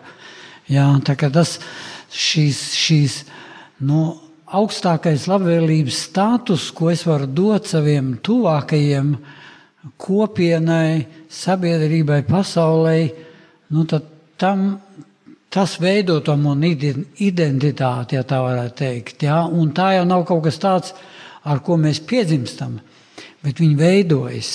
Veidojas, ja mēs saņemam drošības sajūtu, ja mēs saņemam uh, uzdrošināšanos, ja mēs iemācāmies sevi kontrolēt, tā, tā identitāte, tāds paštēls, kas man ļauj dzīvot saskaņā ar sevi un ar citiem, viņš veidojas. Un terapeiti, mācītāji un psihoterapeiti ir tie, kas palīdz iet to ceļu. Es arī gribu papildināt nedaudz. Man liekas, tā, nu, um, Ramo, Simo, Ramona, atvainojiet, man šie vārdi abi jūg. Tu no, citēji un runāji par kodolu, un arī mēs šeit lūdzu runāju par kodolu identitātes. Un man liekas, tas ir process pirmkārt. Nu, nevaram mēs tagad pēkšņi izrakt kodolu. Nē, nu, mums ir jāsaprot, jā, um, ka identitāte notiek procesā un attīstībā, un ir vecuma posmu krīzes. Mēs tagad, tagad ap psihoterapeits, ir vecuma posmu krīzes, ja? ir momenti, kad mēs zaudējam kaut kādus sev svarīgus cilvēkus vai zaudējam lomas. Ja? Savā dzīvē, kas mums ir ļoti bijušas svarīgas, ja redzējums par sevi, kāds es esmu, Un šeit arī ienāk krīze, ja, kad uh, bieži vien arī šis, caur šīm krīzēm mēs tam kodolam tuvinamies. Ja. Vai arī notiek kādi ļoti nozīmīgi notikumi, var notikt mūsu dzīvē. Man kāds cilvēks teica, vai nu tu varbūt vari vinnē miljonu. Es nezinu, vai var tikt līdz kodolam, bet, bet kaut kāda ļoti svarīga satricinājuma, kad notiek cilvēka dzīvē, tad notiek kaut kāda liela, liela virzīšanās, jauns process notiek. Terapijā es bieži vien saku, ka eh, terapeitiskajā procesā tas ir kā lobīt eh, sīpolu. Mēs nevaram uzreiz tikt pie sīpola centra, tas vienkārši nav iespējams, mēs vienkārši izjuktu. Ja, tas ir process, kad, kad mēs virzamies uz šo centru. Mēs not, notiek šī virzība. Un man liekas, ja, ja ir jautājums, kā, kā man šo mm, virzīties, nu, es teiktu tā, viens tu virzies attiecībās ar Dievu un sarunās un, un lūkšanā par to, ka es vēlos virzīties tuvāk. Un otrs, es domāju, tas nav iespējams bez um, otras sev uzticama cilvēka klātbūtnes. Kurš tevi, kurš tevi redz, kurš tevi saprot, kurš tevi, nu, uztic, mīl, pieņem, Ja, ka tu tomēr eh, caur viņu arī tuvini, tuvināties var sevis pieņemšanā. Ja. Es gribētu papildināt, kad, kad tagad psihoterapijā, un jūs esat uh, dzirdējuši tāds process, um, apziņas paplašināšanas process, kad, kad es mācos sevi redzēt tā kā no malas sevi novērtēt. Jā. Mums ir dots tāds, tāds orgāns, un, un nevelti tās mūsu pieres daiva vai pieres vieta vai golgāta. Un šeit sanāk kopā gan teoloģija, gan psiholoģija, pat psihiatrija vai neiropatoloģija. Iet runa par frontālajām pieres daivām. Jā, un ar tām mēs spējam sevi redzēt un tie esam mēs, kas mēs esam, kas mēs sevi redzam. Un, jā, un šeit tad ir svarīga tā ticība, jā, kad, kad uh, Golgātā Kristus ir mīris par mums pieres vietā, un tā pieres vieta ir tāda, kuru mēs varam lietot sevi redzot, nebaidoties ne no kā, ko mēs ieraudzīsim sevī. Jā. Un ka ja mēs nebaidamies sevi redzēt tāds, kāds mēs esam, un Jēzus dēļ, un Dieva dēļ, mums ir dota, dots piedošanas apsolījums. Un tad mēs ar savu pieres vietu varam redzēt, kā es vakardien lamājos, kā es to darīju, to darīju un to darīju, bet man ir tas centrs, jā, šīs attiecības ar Dievu, kurš tad ļauj man to redzēt un mainīt. Un tas centrs tad arī man dod savu personīgās telpas veidošanos un robežu veidošanos. Un tas man ļauj būt drošākam arī nu, starp cilvēkiem. Jā, jo ir, tas ir mans centrs un tā ir, tā ir mana personīgā telpa un robeža, kurās tad var kāds ienākt vai neienākt. Ja mēs zinām, pie šizofrēnijas šis centrs ir izjutis, robežas ir izjukuši. Visi dzird manas domas, jā, kaut kur imantā zina, ko es tagad domāju. Jā. Viņam pas, tā ir psihiska saslimšana, protams, jā. bet uh, garīgais process ir nu, tā harmonija, tas veselums, tas holiness, jā, angliski, jā. tas, kad, nu tā, es paskaidrotu to. Pēdējās desmit minūtes, un pēc, pēc tam, ja ir vēlme, noteikti var arī individuāli pienākt. Jā, pār pie jums pienākt individuāli dalībnieki. Vēl kāds jautājums varbūt? Man ir Tāpat paldies pirms uzrunājot, tas jūs minējāt, ka jūs risināt kādas problēmas ar lūkšanu, savu arī paļāvību uz dzirdējumu. Man personīgi interesē tas, cik ilgi vispār kā strādā tāds problēmu risināšanas veids, kas ietver valstās kristietībā, un vai, piemēram, kādas paralēlas vai kaut kādi analogi, varbūt, kas valstās nekristietībā. Nu, piemēram, iespējams tā meditācija, tas dzirdēs, ka cilvēki izmanto meditāciju lūkšanu, lai risinātu nu, kaut vai identitātes problēmas vai profesionālitātes problēmas. Esam dzirdējuši arī piemēram, par sirds meditāciju, kur atsākties uz jūsu teikto, ka cilvēks vienkārši par to sajūtu kā dzenburismā, piemēram, ar plānu. Būtībā tas jautājums ir par to, būtu pateicīgs, jo, ja, ja jūs raksturot, kā, kā tas process notiek, jūs kā, kāda elementa ir svarīga, un kāpēc tas process palīdz atrisināt kaut kādas problēmas un jautājumus. Medikācijas process? Nu, ja kurš lūkšana un, vai, piemēram, paļāvība Dievā, piemēram, cilvēks nevar atrisināt, viņš tā kā paļaujas Dievā, kas savu tāds process notiek, savu lūkšanu, es pieņemu, pieņemu, ka lūkšana arī tas, ka pats nesmu bet tāpēc man arī grūti to saprast. Mm -hmm.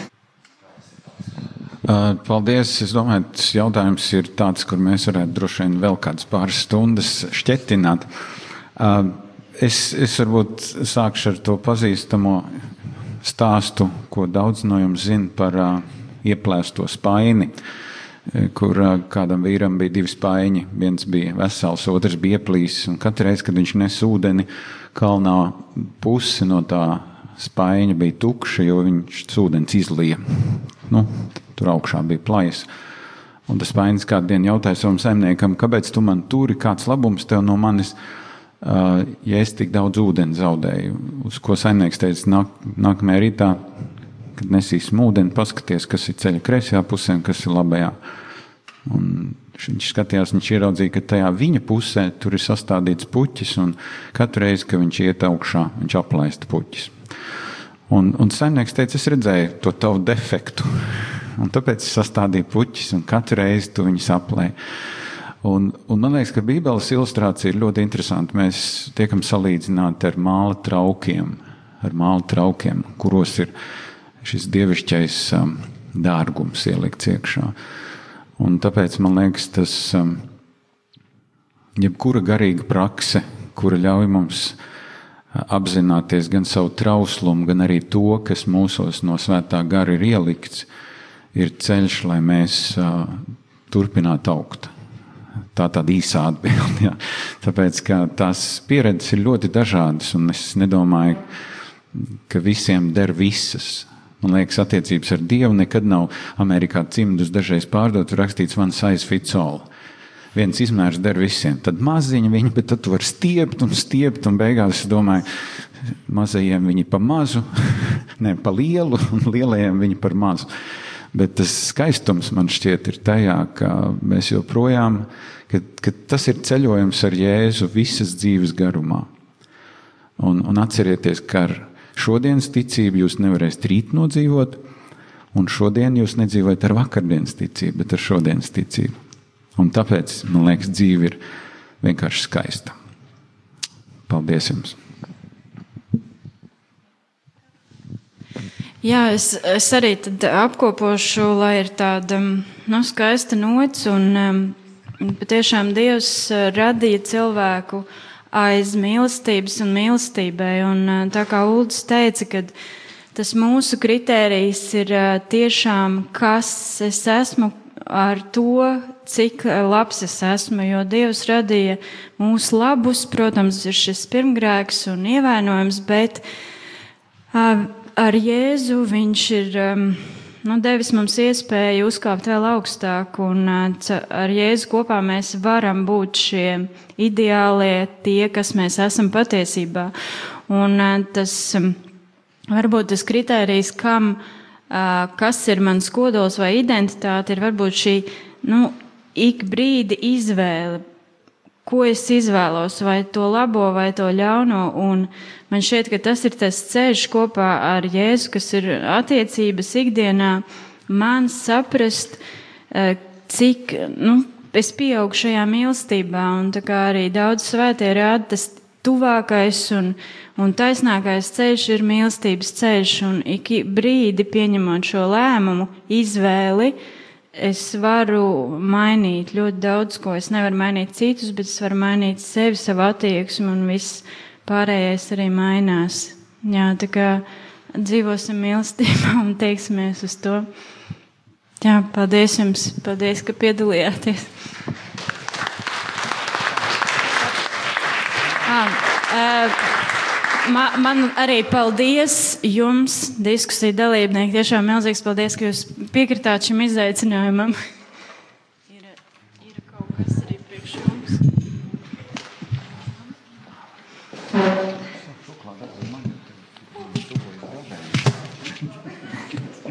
Aplaudēsim.